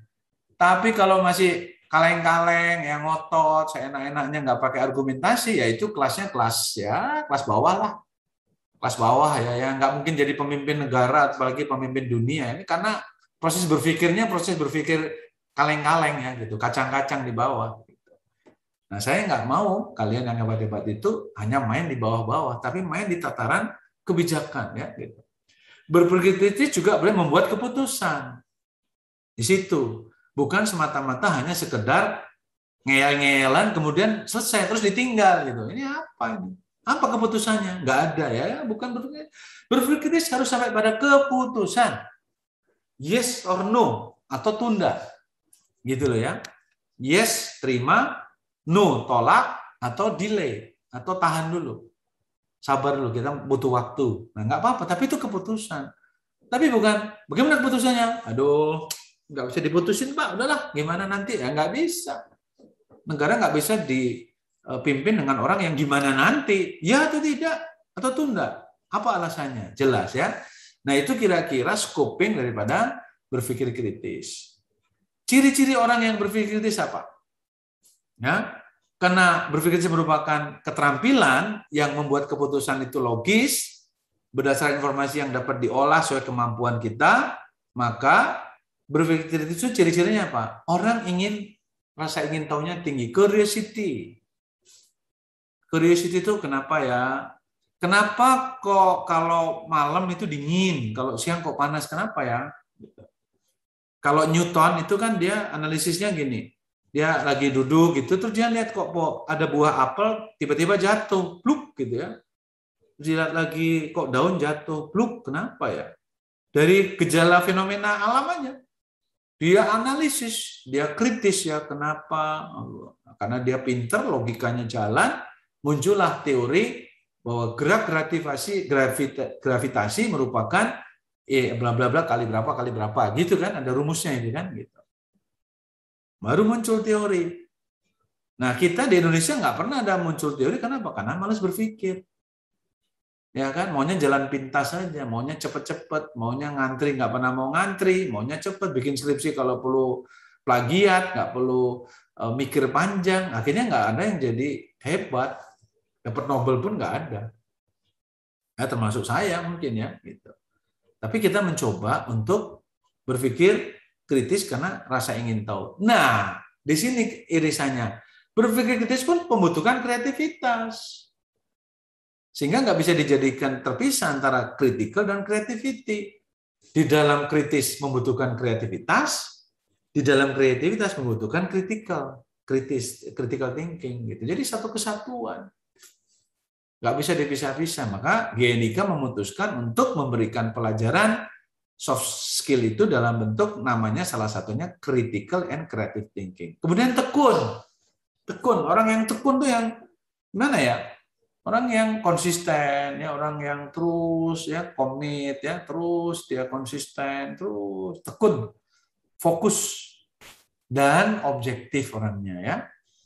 Dia nggak subjektif, dia orangnya uh, speak by data, dia tidak mudah terprovokasi, tidak kupingnya tipis, tidak mudah mendengar omongan orang kemudian mengambil keputusan, tapi ditimbang lagi, tanya lagi sana kiri kanan atas bawah, informasi didapat baru dia pikir, baru dia putuskan. Ya kan? Nah, itu baru ciri orang yang bisa berpikir. Jadi critical thinking dalam menghadapi sebuah persoalan berusaha menemukan informasi yang relevan. Benar nggak sih orangnya begitu? Kemarin saya uji di kerjaan itu nggak gitu kok, ah salah dia. Waktu kemarin saya coba ini dia oke okay, kok katanya begitu, ah nggak benar. Udah mulai mempertanyakan tuh ya ah, segera yes or no. Jangan mudah di apa bisikin orang kemudian anda termakan kemudian anda putuskan. Padahal kita belum melakukan olah pikir dan menanyakan pertanyaan yang bermakna. Bener nggak sih orang itu korupsi? Bener nggak sih? Kalau gue kasih jabatan, mungkin nggak dia korupsi? Kira-kira dia akan menusuk saya nggak dari belakang kalau nanti dia saya angkat jadi pejabat? Nah itu kan pertanyaan. Menanyakan pertanyaan yang bermakna, mempertimbangkan sudut pandang alternatif. Oke, kalau nggak begitu, bisa nggak begini? Kalau nggak dengan cara A akhirnya mentok, gimana kalau cara B?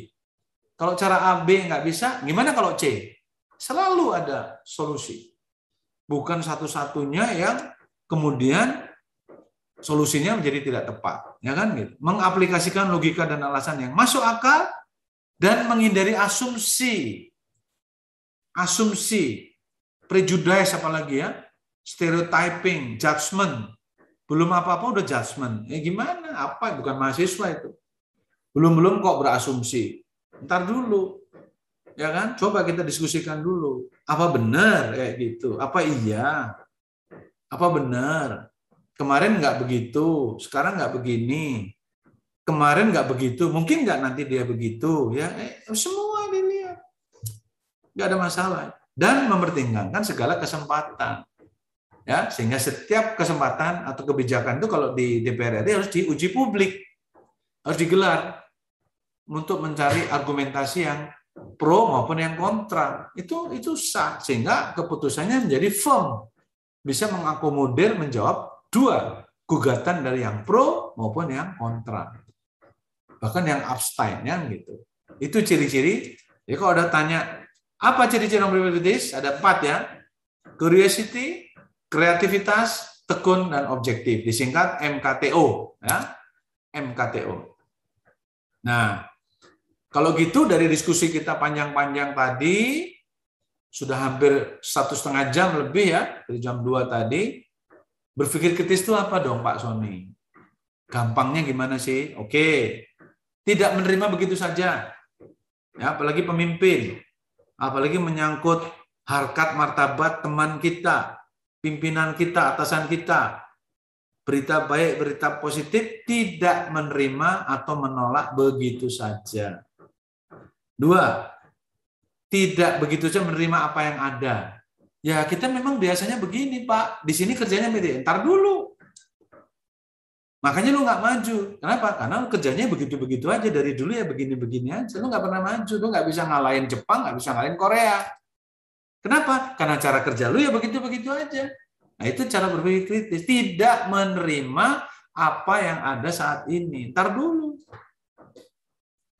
Ketiga, tidak menerima berita atau yang di-share dan diyakini oleh sebagian besar orang. Belum tentu orang yang banyak orang yang mengatakan atau men-share informasi tertentu itu benar, belum tentu. Contoh, ya kemarin beberapa bulan lalu ada seorang Kapolda di Sumatera Selatan kemakan prank oleh seseorang yang mengaku-ngaku pengusaha punya warisan satu triliun. Hanya sekedar sebuah kertas gitu ya, dan sebuah span apa namanya karton menyumbang satu triliun kepada Eh, pemerintah melalui Polda. Nggak dicek dulu. Ternyata penipu. Nggak ada itu duit satu triliun. Tapi sudah kena prank.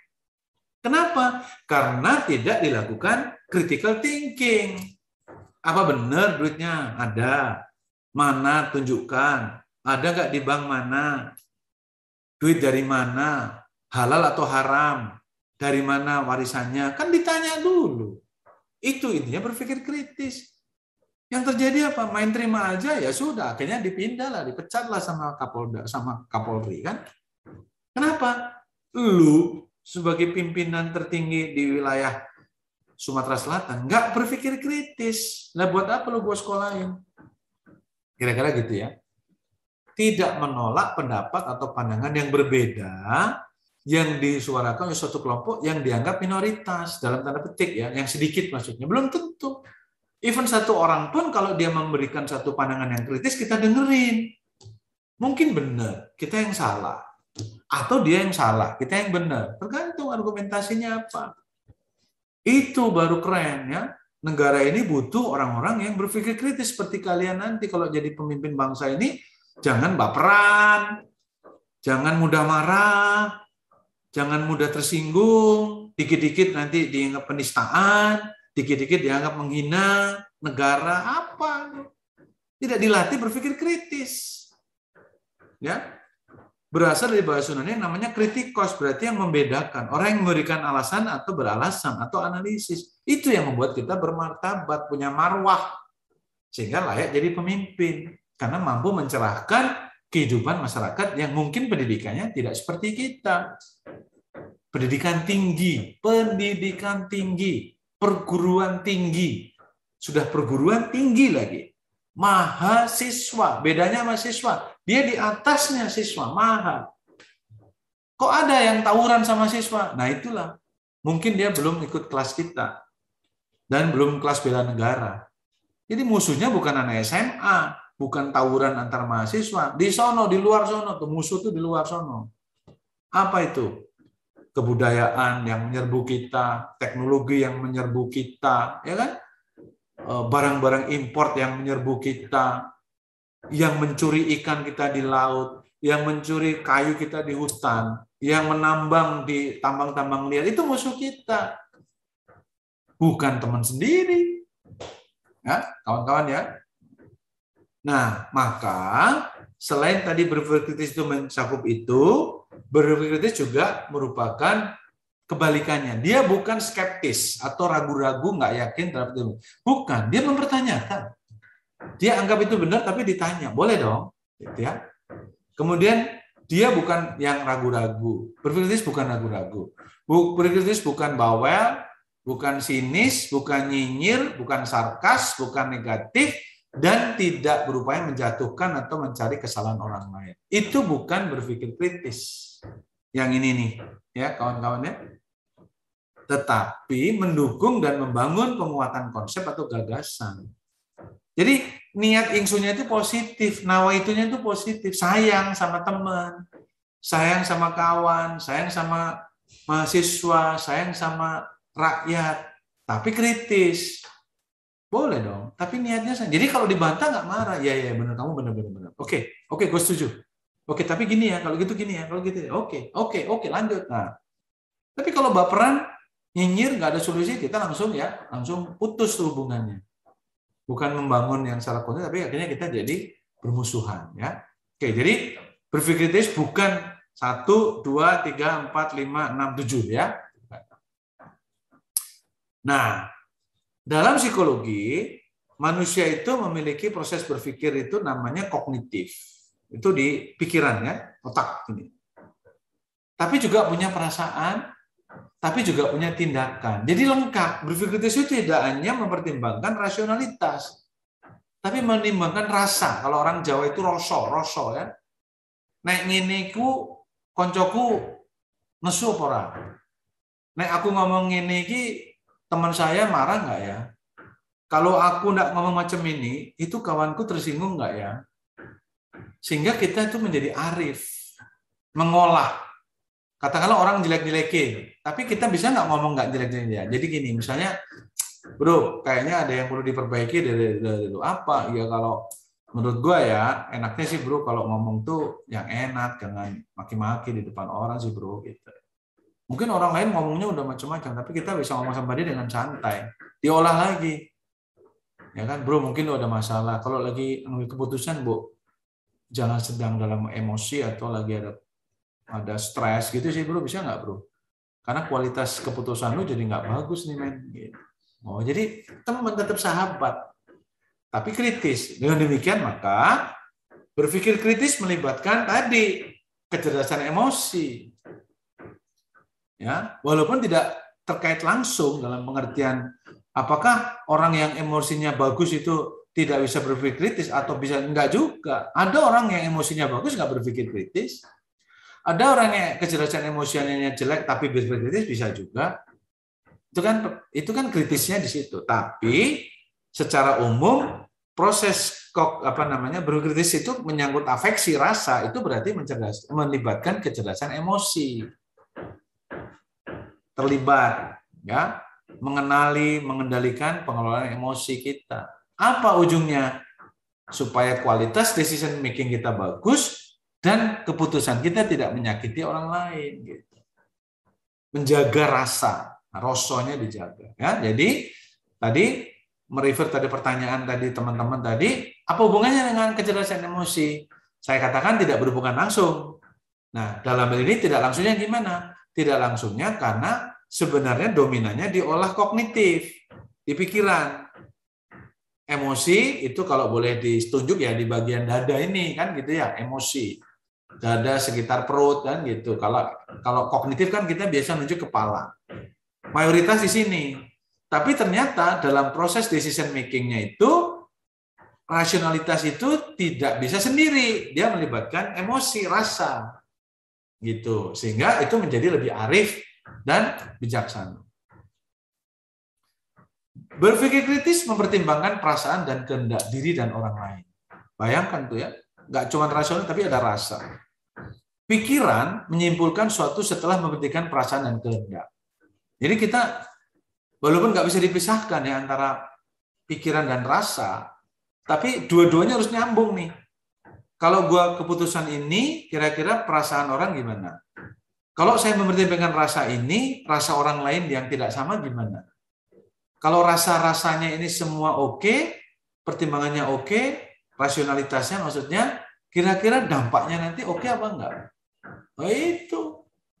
Itu baru kita akan menjadi arif. Jadi nggak sembarangan kita mengambil keputusan. Pikiran yang mengabaikan perasaan dan kehendak cenderung menghasilkan kesimpulan, ini bukan kesimpulan ya, tapi kesimpulan yang tidak realistis dan tidak mengarahkan manusia menjadi dan mengarahkan manusia menjadi tidak seimbang. Jadi nggak balance. Susah ya. Jadi pemimpin tuh ya harus ada rasa di sana, empati maksudnya, empati pada rakyat ya. Tapi di satu sisi dia juga harus rasionalitas, harus logik ya. Nah, dua-duanya ini harus balance. rasa juga oke, okay, kemudian uh, emosi juga oke, okay, ya. Kira gitu.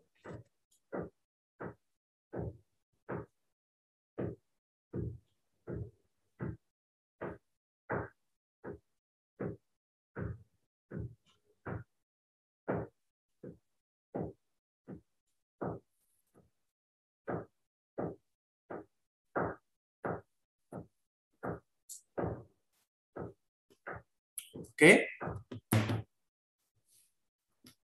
Kemudian selanjutnya berpikir melibatkan metakognisi. Jadi metakognisi itu artinya apa? E, berpikir tentang pikiran. Jadi metakognisi, berpikir tentang berpikir. Jadi misalnya gini, gua tadi kayak gitu bener nggak ya? Pikiran gua tadi bener nggak ya? Menurut lu pikiran gua tadi bener nggak? Itu ya, Jess sama Farhan dan kawan-kawannya eh menurut gue menurut lu tadi pikiran gue tuh cocok bener nggak ya? Nah jadi itu metakognisi namanya. Berpikir tentang proses berpikir. Jadi memahami diri kelebihan dan kekurangannya tahu batas-batas diri gitu. Eh tadi gue ngambil keputusan bener nggak ya? Eh tadi gue ngomong apa ya? Sorry sorry banget loh sorry sorry tadi gue kayaknya pikiran gue nggak kacau deh. Tolong dong. Nah itu metakognisi tuh. Memahami faktor-faktor dulu kendali dan kesadarannya. Jangan-jangan gue ngaco ya tadi ya? Kayaknya ada ada setan lewat tadi ya kayaknya ada sesuatu deh yang tadi membuat gue jadi ngaco ya. Kesadaran itu pun sudah berpikir namanya metakognisi. Keren nggak kawan-kawannya? Kalau Anda belajar psikologi, filsafat tuh Anda akan diajar untuk mengasah proses berpikir kita ini udah benar belum? Nggak perlu orang lain, kita sendiri bisa namanya self correction thinking ya. Kita bisa mengkoreksi pikiran kita sendiri sehingga kita tidak gegabah dan tidak mudah menjudge orang gitu ya tidak baperan, tidak parnoan, ya kan? Tapi arif gitu, senyum, bijak. Kalau orang bijaksana itu kan senyum gitu ya, arif, menyejukkan, enak kalau ada omong, ya, menyenangkan, bisa empati dengan perasaan orang. Bayangkan kalau kalian jadi orang seperti itu ya pasti banyak temannya. Dan orang yang banyak temannya pasti ya mudah-mudahan jadi pemimpin ya, karena bisa mempengaruhi. Dan akhirnya bisa bermanfaat bagi banyak orang. Lalu memahami hal-hal yang diperlukan sebagai bantuan dalam menilai sesuatu. Perlu bantuan apa gua? Oh data. Jangan-jangan keputusan kita salah karena kita nggak banyak data kemarin men. Salah kita. Kita nggak ngambil dari data orang itu. Kita cuma ngambil dari kelompok ini. Salah kita.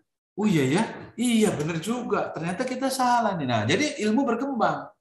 Sehingga selalu ada saran dalam penelitian kita ya, saran sebaiknya mengambil responden tidak pada kelompok ini tapi diharapkan bisa mengambil kelompok lain sehingga bisa dibandingkan antara kelompok A dan kelompok B. Kan selalu begitu kan dalam penulisan karya ilmiah. Sehingga ilmu pengetahuan sampai manusia kapan pun ada itu tetap berkembang. Tapi kalau sudah pokoknya, pokoknya begini, pokoknya ya sudah, matilah ilmu pengetahuan itu. Nggak berkembang nggak ada dinamika dialektika yang mempertanyakan proses berpikir kita yang belum tentu benar.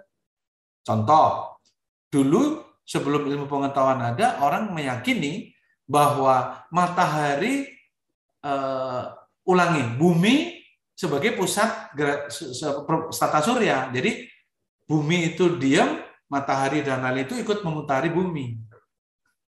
Apa namanya alirannya ya? Heliosentrik atau apa itu ya? Galileo sama siapa itu dulu ya? Itu namanya Kopernikus ya. Itu pokoknya perdebatan itu. Dalam perkembangannya pada saat orang itu yakin masyarakat sedunia yakin bahwa matahari yang mengelilingi dibantah oleh orang bahkan orang itu dibunuh ternyata benar bahwa selama ini kita kita salah. Yang benar itu bumi mengelilingi matahari. Ya gitu Bayangkan itu, yang mengatakan itu pertama kali itu bukan di bukan didengerin, malah dibunuh gitu ya. Kenapa? Karena menyalahi pandangan mayoritas pada zaman itu. Padahal salah. Hari ini kita buktikan ternyata bumilah yang mengelilingi matahari gitu. Nah, di sinilah proses berpikir tentang pikiran itu kita sebut sebagai metakognisi. Alat bantu itu apa? Memperbaiki proses, berpikir lebih logis, menjaga rasa, dan bertindak lebih tepat. Ujungnya apa sih kawan-kawan? Keputusan kita berkualitas dan kualitas hidup kita lebih baik karena kita nggak gegabah, nggak banyak musuhnya. Karena kita arif, kita lebih mau mendengarkan dan mencoba mendik mengklarifikasi informasinya. Benar nggak sih? Benar nggak? Jangan asal ngomong lo, ya kan? Belum tentu lo. Ya kalau iya, kalau enggak, setahu gue dia nggak gitu deh. Mungkin lu salah kali. Atau mungkin pengalaman lu pada saat itu aja kali. Tapi kan nggak bisa digeneralisir dong men, ya kan? Itu salah juga, gitu kan? Tapi dalam hal itu mungkin dia salah. Tapi dalam hal lain, dia benar juga. Jadi jangan a priori dong. Nah gitu ya, dialognya itu udah Wih keren banget ya anak-anak Indonesia ya. Top nih, pasti pemimpin dunia. Tapi kalau udah belum-belum sudah, pokoknya harus gini, nggak boleh. Ah, sudahlah, ini kacang-kacangan, ini kaleng-kaleng, ini kelasnya kelas kambing aja gitu ya. Berpikirnya itu kelas kambing, bukan berpikir kaum intelektualitas. Gitu. Nah, kemampuan dan dia cara dia jernih dalam berpikir, logis, runut gitu ya, enak. Dan aha, gitu. aha ini nih ini nih enak nih kue lapis legitnya enak gila nih argumentasinya tepat ah top nih gitu ya clarity jelas mendalam dan tuntas gitu. Mampu mampu menemukan masalah yang ada di sekitar diri lingkungan dan validitas data. Nah ya mampu menemukan masalah dia di lingkungan problemnya apa sih? Karena dia kritis. Oh problem di masyarakat ini itu masalah MCK kalau di masyarakat itu masalah pertanian. Kalau di sana listrik. Kalau di sana air bersih, itu dia bisa kritis karena dia melihat peka. Makanya mahasiswa ada KKN, wajib KKN untuk melatih kepekaan sosial apa yang dihadapi masyarakat. Apa modalnya? Berpikir kreatif, kritis dan kreatif. Kalau nggak ada listrik, apa dong? Kalau nggak punya air, apa dong solusinya? Ya kan? Kalau nggak punya internet, apa dong solusinya?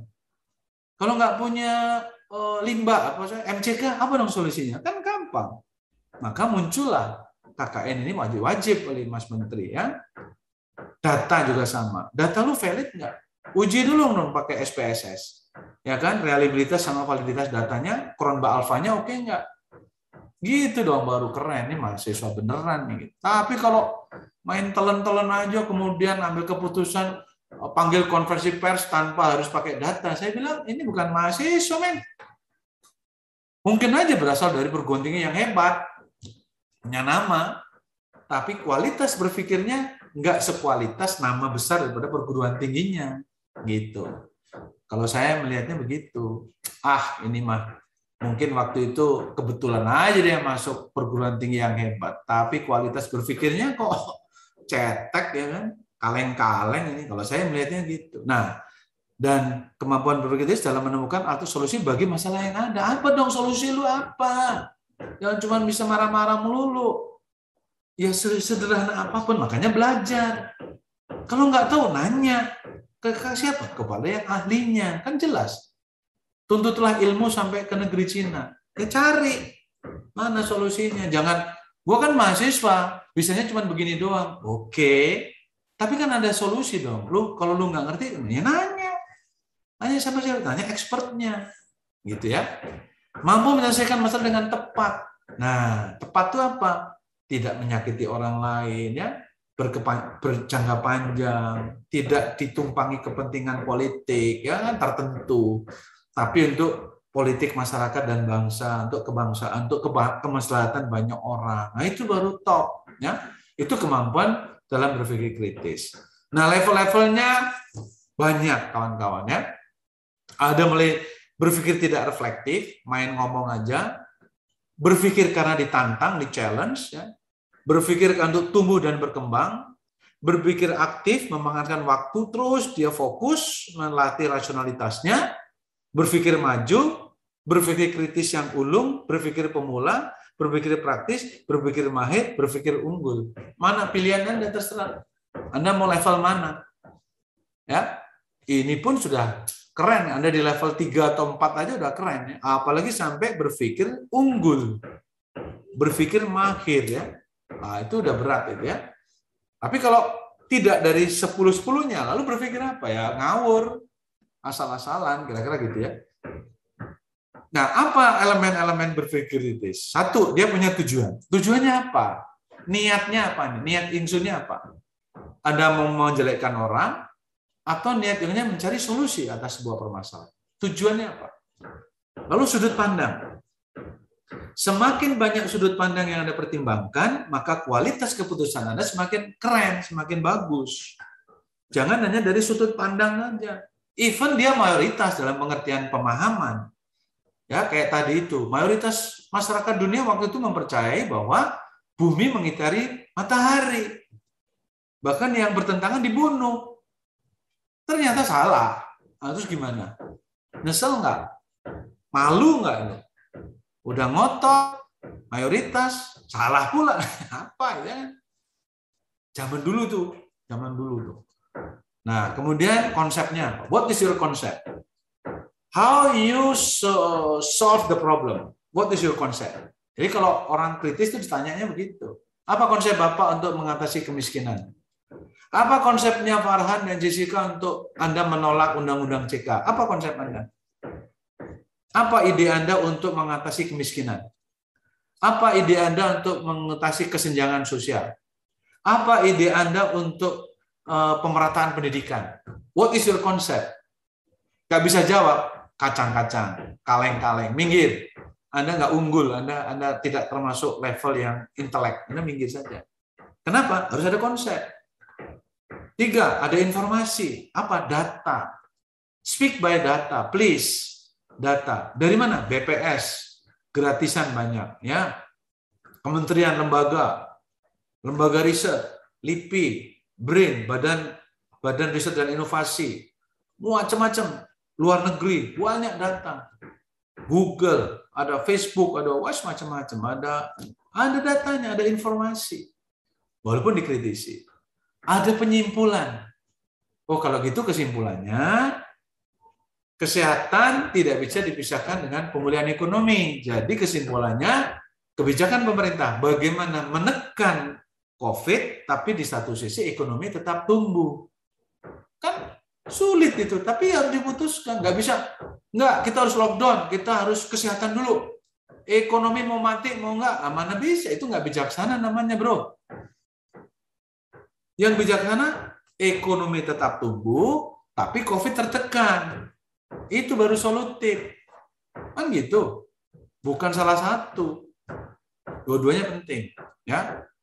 Lalu ketiga, dia ada asumsi. Ada boleh asumsi, tapi tidak boleh terlalu banyak. Jangan buru-buru langsung berasumsi. Asumsinya begini loh. Misalnya, asumsi tingkat suku bunga US dollar terhadap rupiah tidak berubah. Asumsi. Walaupun nggak selalu asumsi aja. Asumsi nilai tukar rupiah terhadap dolar stabil. Asumsi. Asumsi pertumbuhan 5 persen. Nah, tapi dikit aja jangan banyak asumsi. Lalu implikasinya apa? Kalau sudah diputuskan dampaknya apa nih? Itu harus berpikir kritis itu sampai kepada implikasinya. Misalnya anda berantem di jalan sama orang gara-gara serobotan motor atau mobil. Kalau berpikir kritis mikir, kalau ditonton orang gimana?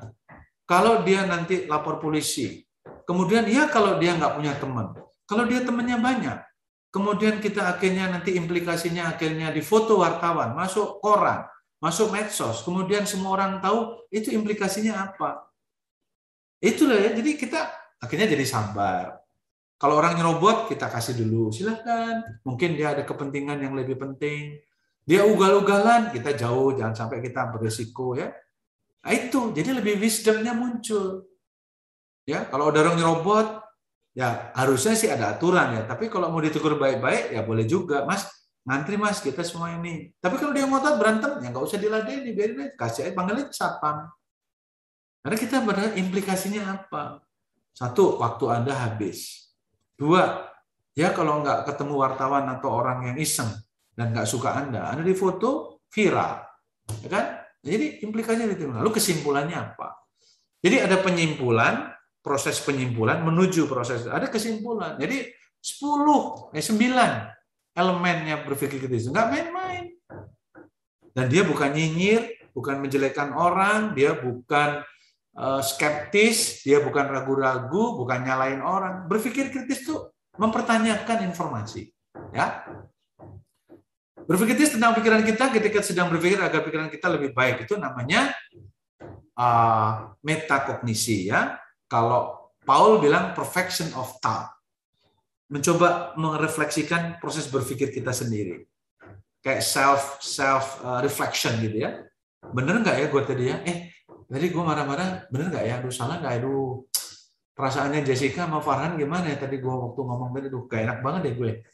Eh, gue harus minta maaf sama dia nih. Bro, tadi gue salah ya ngomongnya. Padahal orang itu udah lupa. Enggak, yang mana ya tadi ya? Enggak, yang tadi gue ngomong, ah sudah lupakan teman. Nah, eh, jadi komunitasnya komunitas yang sehat gitu ya. Yang satu mau mendengarkan, yang satu, ah udah nggak penting itu oke okay lah. Biasa kok kita pergaulan itu di mana-mana. Karena namanya salah itu wisdom semua yang keluar. Di situlah teman-teman kalian hidup berkualitas ya. Tidak pada tataran yang kambing-kambing atau kacang-kacang gitu ya. Nah, tadi saya sudah laporkan pentingnya berkritis itu apa sih kalau ditanya ya kan? Yaitu menghindari kerugian dan kecelakaan dalam pengambilan keputusan atau penggunaan informasi yang salah. Jadi kita nggak rugi dalam keputusan. Membesar kemanusiaan memperoleh informasi yang benar. Jadi lebih valid. Tadi sudah kawan-kawan di awal sudah benar semua tuh ya. Kemudian masyarakat lebih ilmiah, ya mahasiswa bisa mengurang, menemukan kekurangan dari sebuah teori, maka harus berkembang terus ya. Lalu kalian sebagai calon profesional dituntut untuk memperbaiki keadaan masyarakat. Harus kritis untuk lebih bermanfaat bagi orang lain. Sehingga bisa melihat sesuatu untuk diperbaiki. Bukan untuk disalahkan semata-mata. ya Dan tidak menerima apa saja, begitu saja yang sudah ada. Ya, ini banyak nih ya. Akhirnya saya tidak akan banyak-banyak nih. Tadi sudah saya singgung semua, ya. Ada Eh, berpikir yang irasional, tapi ada berpikir yang rasional. Ya, kalau dalam Profesor Kahneman dalam decision making teorinya menggunakan teori uh, prospek ya, bahwa dalam setiap keputusan itu kita ada yang langsung pakai rasa, tapi ada yang berpikir yang pakai rasional. Nah, berpikir kritis berarti yang rasionalitas. Walaupun dalam prakteknya misalnya kebakaran, kita langsung melakukan aksi. Itu nggak ada berpikir kritis lagi tuh kebakaran loh, api udah di mana-mana. Nah, tapi terjadi. Nah, tetapi kan itu accident, maksudnya nggak setiap hari kan, sehingga itu perlu kita uh, apa ya latih. Kapan anda harus berpikir yang cepat, kapan anda harus berpikir yang memerlukan pemikiran yang rasionalitas. Ya, kalau dalam lainnya ada red thinking sama green thinking. Kalau green thinking lebih instinktif, lebih otomatik, lebih spontan. Kalau red thinking itu lebih menggunakan rasionalitas, lebih dianalisis dan lebih lebih apa ya, memperbaiki proses berpikir yang uh, insting tadi. Oke, saya kira saya nggak akan banyak-banyak. Ini banyak sekali ya. Anda bisa lengkap ini. Lengkap sekali saya sudah bikin dengan selengkap-lengkapnya. Nah, dalam berpikir itu juga perlu kerendahan hati, keberanian intelektual tadi Jessica, keberanian intelektual integritas intelektual, Anda nggak nggak punya kepentingan lain selain memperbaiki keadaan, ya, tidak punya agenda, tidak punya fasis interest, Anda juga empati pada orang lain dan yakin akan rasionalitas. Ya, ini yang yang ini. Nah, hambatan berpikir kritis apa? Egosentrik, ya, kita egois, ya. Kemudian kita berpikir relatif, ya. Wishful thinking, ya, yang yang eh, seolah-olah benar tapi sebenarnya nggak benar, ya mengarang-arang. Kolektivitas, seolah-olah uh, kolektif mind itu lebih benar daripada individual mind. Padahal belum tentu tadi ya. Uh, mayoritas itu belum tentu uh, benar gitu. Belum tentu, sangat-sangat tidak.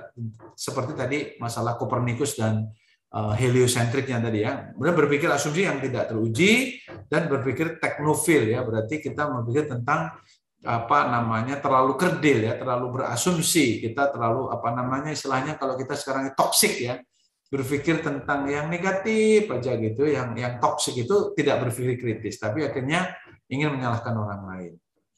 Yang terakhir adalah logical fallacy, sesat pikir sering kali terjadi ya, logical fallacy yaitu menyusun argumentasi kesalahan dan menyusun logika argumentasi ya. Dalam bahasa argumentasi yang mereka sampaikan tidak nyambung Nah, ini namanya logical fallacy. Ya. Seringkali kita melihat dan akhirnya menyalahkan orang karena kalah berargumentasi, akhirnya menyalahkan. Jessica sih rambutnya keriting, makanya itulah kalau orang rambutnya keriting ya begitu cara berpikirnya. Padahal nggak ada hubungannya. Kalah berdebat. Farhan sih orangnya, itulah kalau rambutnya ikel-ikel nggak jelas kayak gitu. Makanya orangnya berpikirnya nggak benar. Apa hubungannya rambut ikel sama cara berpikir? Nggak ada hubungannya. Tapi karena terjadi, namanya logical fallacy, ya kan gitu ya. Mencari-cari kesalahan yang sebenarnya dia gagal membangun argumentasi. Nah, logical fallacy-nya macam-macam kawan-kawan ya. Ada strawman, melihat kayak sedotan gitu ya. Akhirnya ada ad hominem, itu sudah ngomongin orang Pantes kamu itu orangnya nggak punya pacar sih. Jadinya ngomongnya nggak apa hubungannya nggak punya pacar sama substansinya. Namanya ad hominem ya gitu. Ada false dilemma, ada slippery slope ya. Ini bisa dibaca nanti jenis-jenis logical fallacy. Ya ini semua saya ada semua dan selamat berlatih dan membiasakan diri berpikir kritis ya. Nah, ini contoh-contoh kasusnya nanti bisa belajar. Nah, tapi saya akhiri di sini dengan tugas. Tugas ya, kan ada dua jam lagi ya, Mas ini ya, Mas MC dan Mbak MC, benar ya? Tugas untuk uh, apa Pak Sony? Mohon maaf, kemarin tugas. bukannya tugas yang udah barengan sama Pak Mita atau beda lagi? Beda lagi. Saya ingin Anda ada tugas ya. Kalau Pak Mita kan design thinking, apa uh, creative thinking. Sekarang saya minta Anda uh, ini ada kelompoknya. Ada berapa kelompok? Ada, Pak. 36. Ada 36 kelompok ya. Oke. Masing-masing kelompok ada ketuanya, ada segala macam ya. Oke. Maka tugasnya carilah satu isu atau masalah atau kebijakan boleh ya yang perlu Anda kritisi karena dia kurang mempertimbangkan atau kurang melihat dari aspek-aspek yang dituntut dalam critical thinking. Tadi ya, informasi, kemudian untuk punya tujuan, kemudian dia macam-macam tadi ada 10 syarat tadi. Nah, coba Anda cari kebijakan ataupun produk ataupun jasa apa pun ya yang Anda bisa bedah analisis secara kritis dan Anda tunjukkan kelemahannya di mana. Ya. Kebijakan Pemda boleh, kebijakan negara boleh, kebijakan pemerintah pusat boleh, prosedur di perusahaan boleh, kebijakan perguruan tinggi boleh, tapi semangatnya tidak tadi ya menyalahkan, menyinyir, bukan bukan itu, tapi logik. Harus ada tahapan-tahapan tadi ya. Harus ada data, ada argumentasi yang dibangun ya. Itu dianalisis. Ya, produk boleh, jasa boleh. Setelah itu, Anda kasih solusinya apa?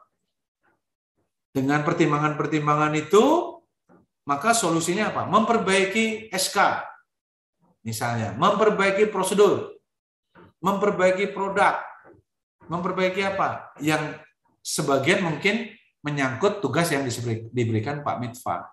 Pak Mitfa ya betul ya, Mitah, ya, Mitfa. Nah, jadi dari saya adalah melatih logika analisis kritis per kelompok tentang kebijakan boleh, pusat daerah dan sebagainya, organisasi boleh, tentang salah produk boleh, tentang jasa ataupun tentang sistem, misalnya tentang sistem pembayaran, sistem pajak atau apa itu boleh juga, ya. Nah, termasuk mungkin pendapat seseorang. Tapi kan kalau pendapat bisa, oh saya nggak ngomong gitu loh, gitu. Tapi yang lebih penting adalah wujudnya jelas ya, produk, sistem, kebijakan ya, yang Anda bisa lihat, termasuk untuk kepentingan masyarakat banyak, sehingga Anda bisa kritis. Nah, kemudian susun argumentasinya, solusinya, rekomendasinya apa. Tidak lebih dari lima halaman, atau lima slide ya gitu. Tidak boleh lebih dari lima halaman. Kalau itu oke, okay, keren, saya kasih nilai, nah, mudah-mudahan semuanya dapat nilai bagus. Jadi ada 36 case tadi yang akan saya dapatkan dari eh, adik-adik dari 36 kelompok itu. Apakah tugas yang saya berikan ada pertanyaan atau nggak jelas atau perlu dikritisi? Silahkan. Oke, terima kasih Pak. Uh, sebelumnya ini ada Mas Farhan lagi raise hand. Silahkan Mas Farhan. Ya, terkait tugas uh, sudah cukup jelas untuk uh, instruksi tugasnya. Saya ingin hmm. bertanya terkait uh, pemaparan dari Pak Sony tadi. Apakah diperbolehkan, Pak? Boleh, silakan. Oke. Uh, menarik menarik sekali ya Pak ya terkait hmm. pembahasan kita mengenai uh, critical thinking di sini. Hmm. Saya pernah diskusi banyak juga terkait uh, pertanyaan yang ingin saya sampaikan. Sepertinya juga cukup menarik jika didiskusikan dengan Pak Sony di sini. gitu ya. Ini kan kita ketika berpikir kritis itu berka berarti berkaitan dengan berpikir analitik ya Pak. Mm -hmm. Kita bicara tentang uh, logik. Benar banget. Dan di sini uh, titik pertanyaan saya adalah terkait uh, logika dan persepsi Pak. Uh -uh. Kita tahu bahwa logika itu dasar berpikir. Uh, ketika logikanya buruk maka berpikir uh, hasil berpikir kita sudah pasti buruk. Iya, Tapi juga kalau uh, logikanya baik, belum tentu hasil berpikirnya baik, Pak. Benar karena dalam uh, ilmu logika kan itu logika bergantung pada premis atau persepsi itu pak. Yes. Nah di sini sering kali kita uh, terlalu abai dan juga kita tuh terlalu menitik beratkan pada logikanya pak. Sedangkan hmm. persepsi itu atau premis itu adalah eh, poin-poin yang sangat mempengaruhi logika itu tadi. Hmm. Ketika kita tidak memiliki uh, kemampuan untuk berpersepsi dengan baik, uh, bisa bisa dipastikan juga kegiatan berpikir kita itu belum tentu baik tuh pak. Benar, iya benar banget. Karena persepsi kan berkaitan dengan uh, kearifan juga yang tadi hmm, bapak emosi, sebutkan. Ya kan? Hmm. Dengan Karena orang. Ketika premis atau uh, persepsi kita tuh tidak baik, maka akan menghasilkan uh, logical fallacy tadi tuh sesat pikir yang bapak sebutkan. Uh, di sini gimana ya pak ya? Karena dari dulu tuh kita jarang banget lah diajarin untuk uh, membuat persepsi atau diajarkan untuk berpersepsi dengan baik. Kita hanya diajarkan berlogika, berlogika, berlogika gitu. Itu seperti apa Pak untuk seumuran kita ini sebagai mahasiswa untuk bisa membentuk persepsi dengan baik gitu Pak. Karena persepsi ini mempengaruhi uh, sebagian besar kegiatan berpikir kita, terutama di logika. Mohon penjelasannya Pak. Baik, Bagus sekali ya Farhan, eh, pertanyaan Anda bagus sekali dan saya salut ya dengan Anda dalam pengertian Anda menanyakan hal ini gitu ya. Pertanyaannya bagus juga. Nah, jadi persepsi itu kan cara pandang kita terhadap sesuatu ya. Ide, gagasan, benda atau objek kebijakan ya gitu kan. Itu dalam psikologi dipelajari itu persepsi. Bahkan dalam politik persepsi is more than reality. Jadi realitanya nggak begitu, tapi dibangun persepsi, bangun opini seolah-olah begitu, ya kan? Bahkan dalam era post truth, post truth itu berarti uh, uh, melampaui kebenaran. Sebenarnya dia bohong, tapi bohong yang diulang-ulang, akhirnya seolah-olah kebenaran. Namanya post truth ya gitu. Nah, membangun persepsi berarti membangun opini. Mulai dari mana? Informasi. Jadi tadi dalam berpikir kritis kan harus ada informasi harus ada data. Jadi jangan sembarangan hanya sekedar opini saja, tapi opini berbasis data. Bahkan berbasis informasi. Apa bedanya data sama informasi? Data itu ya angka-angka, belum menjadi informasi. Maka dianalisis. Ya, dianalisis, oh informasinya ini nih. Bukan sekedar data statistik, tapi ada informasi bahwa tidak ada hubungannya antara ayam berkokok dengan jatuhnya buah durian. Itu nggak ada hubungannya. Walaupun secara statistik kalau dihitung jumlah jumlah pohon apa eh, buah durian yang yang sering jatuh sendiri sama eh, jumlah ayam berkokok berkorelasi 0,9. Oh, iya kan? Secara statistik logisnya ada hubungan antara jatuhnya pohon durian dengan jumlah ayam berkokok atau sebaliknya. Oh, benar. Padahal coba diamati duluan, benar nggak ada logikanya itu antara jumlah pohon durian dengan ayam berkokok itu ada substansinya ada nggak? Nah, persepsi kita dari mana? Informasi, pengalaman, pengalaman juga. Makanya sering gaul dengan siapa? Dengan teman-teman yang berbeda nggak apa-apa. Berbeda pandangan, berbeda tujuan, tapi kita tetap pada prinsip gitu ya. Tapi kita senang mendengarkan argumentasi yang mungkin menentang tujuan kita atau men-challenge lah bukan menentang, men-challenge. Sehingga kalau di dalam perusahaan Anda kalau membuat produk itu ada sesi namanya challenge challenge session ya.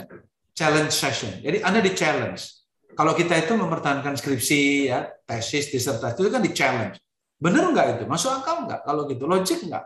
Nah, namanya defense ya. Begitu Anda bisa bertahan dengan logiknya, dengan data, dengan ilmu pengetahuan, dengan jurnal, dengan statistik, lulus. Oke, Anda mendapat gelar doktor atau sarjana ya kan atau master ya S2. Kenapa? Karena Anda mempertahankan sebuah logik. Tetapi di situ ada persepsi jelas. Persepsi itu apa? Subjektif. Nah, sehingga kalau orang punya persepsi A, Anda punya B, maka bagaimana dua-duanya? Ya bisa makanya empati, munculnya empati. Empati itu apa? Oh, lu tuh maksudnya gini ya. Kalau gua maksudnya gini. Jadi agak beda nih, mohon maaf. Nah, tapi gua paham, gua gua bisa ngerti maksud lu. Tapi sebenarnya gua bukan itu maksud gua. Maksud gua gini. Bisa nggak lu ngerti nggak? Tapi gue ngerti maksud lo. Gue gue empati banget sama lo. Tapi maksud gue bukan itu, men. Maksud gue gini. Nah, gitu ya. Jadi dialektika itu akhirnya membentuk persepsi. Oh, berarti gue nggak satu-satunya yang benar. Ada kok persepsi lain yang kayak gitu. Jadi apa intinya, Han? Dialektika, dialog. Ngobrol, ya. Diskusi, diskursus. Dulu zaman saya kuliah atau senior-senior kalian saya ya, saya itu, itu kebanyakan mainnya di kampus, nggak pulang-pulang tuh dialog, diskusi, berdebat ya soal filsafat, soal politik. Maka zaman dulu itu tokoh-tokohnya muncul ya. Gerakan mahasiswa itu mau di UI, TB ya, yang gede-gede dulu ya, mungkin UGM itu IPB mungkin ya. Itu dialektikanya dialektika yang tingkat tinggi yang berpikir unggul. Filsafat ya mempertanyakan eksistensi alam semesta ya. Mempertanyakan kebijakan mempertanyakan apa pun ya itu luar biasa dibanding hari ini ya. Saya mungkin atau kalian yang junior junior kita kurang ruang-ruang diskusi ruang-ruang perdebatan yang bisa menerima sesuatu tanpa harus marah tanpa harus bermusuhan gitu kan ya. Jadi bikin forum-forum yang terus menyamakan persepsi itu. Nggak harus sama sih tapi memahami lah. Gue paham lu beda tapi gue juga beda. Tapi kita temen loh kita nggak harus bermusuhan gitu ya. Kira-kira gitu kan berarti ketika kita uh, ingin membentuk persepsi yang bisa disamakan itu bisa lewat uh, argumentasi melalui diskusi-diskusi tadi ya Pak ya. Uh, saya cukup senang juga kalau ada uh, diskusi yang kita saling bisa menerima argumentasi satu sama lain. Tapi kan cukup banyak juga Pak ruang diskusi itu yang uh, saya berpendapat ini, saya berpegang teguh uh, lawan saya ya seperti itu. Jadi benar-benar kayak dibentrokin aja nggak pernah nggak pernah mau menerima persepsi dari pihak uh, seberang gitu pak. Yeah. itu hal yang bisa kita lakukan tuh seperti apa pak? Karena uh, kebanyakan orang berpikir bahwa ketika dia orangnya uh, offense sekali kita kayak mau menerima persepsi dia tuh kayak ah jangan deh canggung atau masa masa ketika dia selalu menyerang masa saya nerima? Jadi kan masih banyak sering berpikir seperti itu, Pak? Ya, yang pertama ya oh, kita itu kalau dalam organisasi ya tentu kita punya pemimpin ya gitu. Arahan pemimpin, arahan presiden misalnya. Kalau di agama mungkin arahan kiai atau ustadz atau pastor atau biku apa gitu ya. Karena harus ada yang memegang norma. Norma tertingginya apa? Kalau Indonesia normanya Pancasila sepanjang tidak bertentangan dengan norma publik ya silahkan. Tapi kami tetap berdagang ini gitu. Nah tetapi kalau ada seperti itu selalu dibentur-benturkan gitu ya. Yang paling penting adalah apa? Bahwa e, kita tidak dalam rangka menyakiti dia. Itu paling penting. Kita tetap sayang sama dia tetap mencintai dia sebagai sahabat sebagai teman dan tidak menganggap musuh karena itu teman kita. Itu dulu. Sulit loh itu tapi itu yang terjadi pada founding father, jadi mana antara tokoh-tokoh ya dulu misalnya dengan M. Natsir, dengan Iji Kasimo, dengan Leimena, mungkin dengan tokoh-tokoh di timur itu bertentangan secara ideologi, tapi mereka persahabatannya luar biasa. Satu kos, saling kunjungi kalau sakit, cari pacar bareng. Satunya Islam yang luar biasa, satunya Katolik yang luar biasa, tapi persahabatan mereka luar biasa. Nah, hari ini kalau kita sudah bertentangan gitu terus jadi musuh gitu loh Han. Yang ini yang apa ya kualitas rendah kita muncul gitu loh. Sementara founding fathers kita dulu yang membentuk bangsa ini, perdebatan terjadi itu ideologis. Mengapa kita perlu membentuk negara? Kalau kita menunggu ideologinya apa? Yang mayoritas bilang ini, yang minoritas bilang ini, akhirnya dialektikanya apa? Pancasila sebagai solusi. Kan gitu ya? Gitu. Nah, hari ini kita kalau berbenturan, misalnya saya memihak Farhan, saya dimusuhi musuhnya Farhan.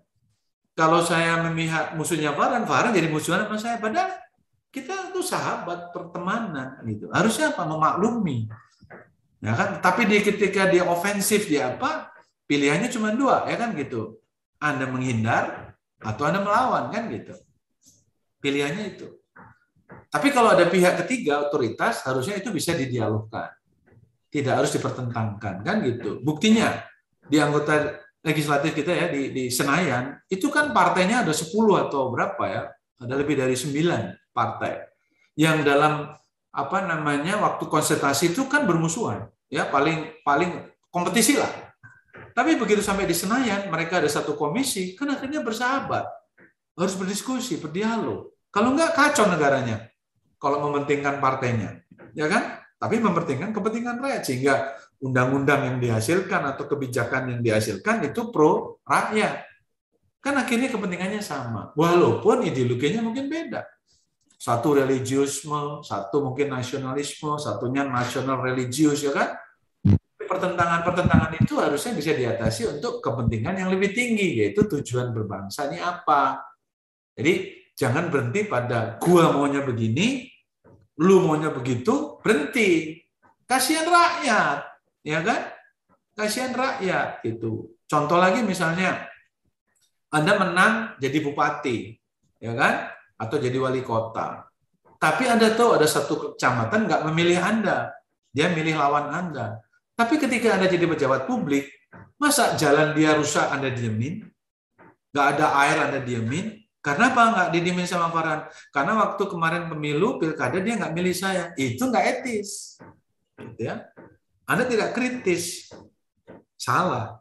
Jadi ya tetap diperhatikan karena Anda pejabat publik. Yaitu walaupun waktu kontestasi dia tidak memilih Anda, Anda tetap memperhatikan sebagai warga Anda, warga warga masyarakat Anda sebagai pimpinan di kabupaten atau di kecamatan atau apa pun lah ya, kota tertentu. Kalau Anda pemimpin publik di situ. Nah, jadi jangan berpikir kaku-kaku. Kalau saya saran ya, kita harus fleksibel. Berpikir itu fleksibel.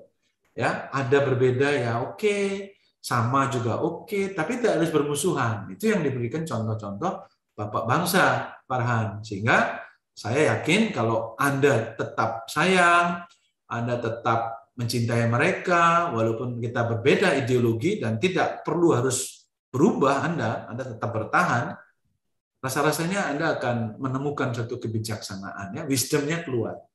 Dan di situlah Anda akan kelihatan kualitas Anda sebagai calon pemimpin, eh, ketimbang yang tetap bertahan pada satu posisi tanpa mau memahami orang lain.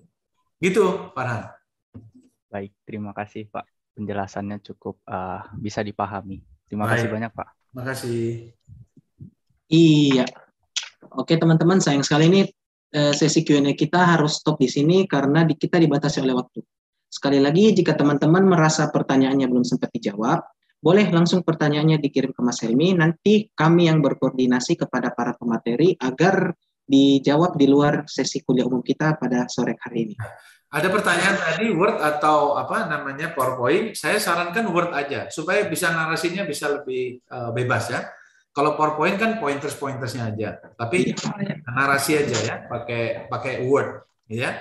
Tapi li, uh, maksudnya uh, biarkan itu proses berpikir Anda sendiri. Jangan, ja, maksudnya gini, jangan mencontek kata-kata orang, tapi Anda susun kalimatnya, gitu ya, sehingga kelihatan logis gitu loh, runut gitu. Jadi kalau dalam dalam analisis itu namanya naskah akademik. Ya, jadi kalau Anda mau membuat sebuah kebijakan itu ada naskah akademiknya. Nah, itu atas kritik daripada sebuah kebijakan sebelumnya. Nah, sekarang coba Anda menyusun sebuah naskah akademik kecil-kecilan gitu ya untuk mengkritisi sebuah apa pun produk boleh ya jasa boleh kebijakan boleh aturan boleh apa saja yang menurut kawan-kawan sepakati dalam kelompok itu oke kira-kira paham ya tugasnya Baik, Pak. Sebagai penutup, mungkin kita bisa melakukan sesi foto bersama. Jadi kami himbau kepada teman-teman agar kiranya dapat mengaktifkan kameranya. Kita akan mengambil sesi foto ini sebanyak lima kali. Oke, mungkin ditunggu dulu. Eh, silahkan teman-teman diaktifkan kameranya.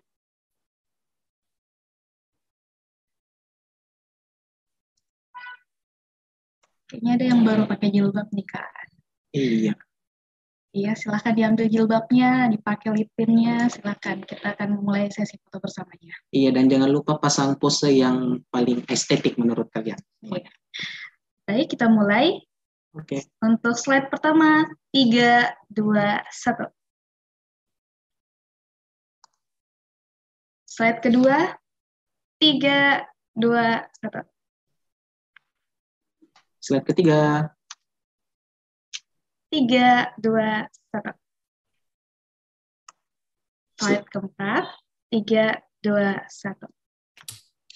Dan slide terakhir nih, ayo, tiga, dua, satu. Oke. Okay. Okay. Uh, eh, mungkin uh, kami ucapkan lagi sekali lagi terima kasih kepada seluruh peserta yang telah menghadiri kuliah umum kita pada sore hari ini.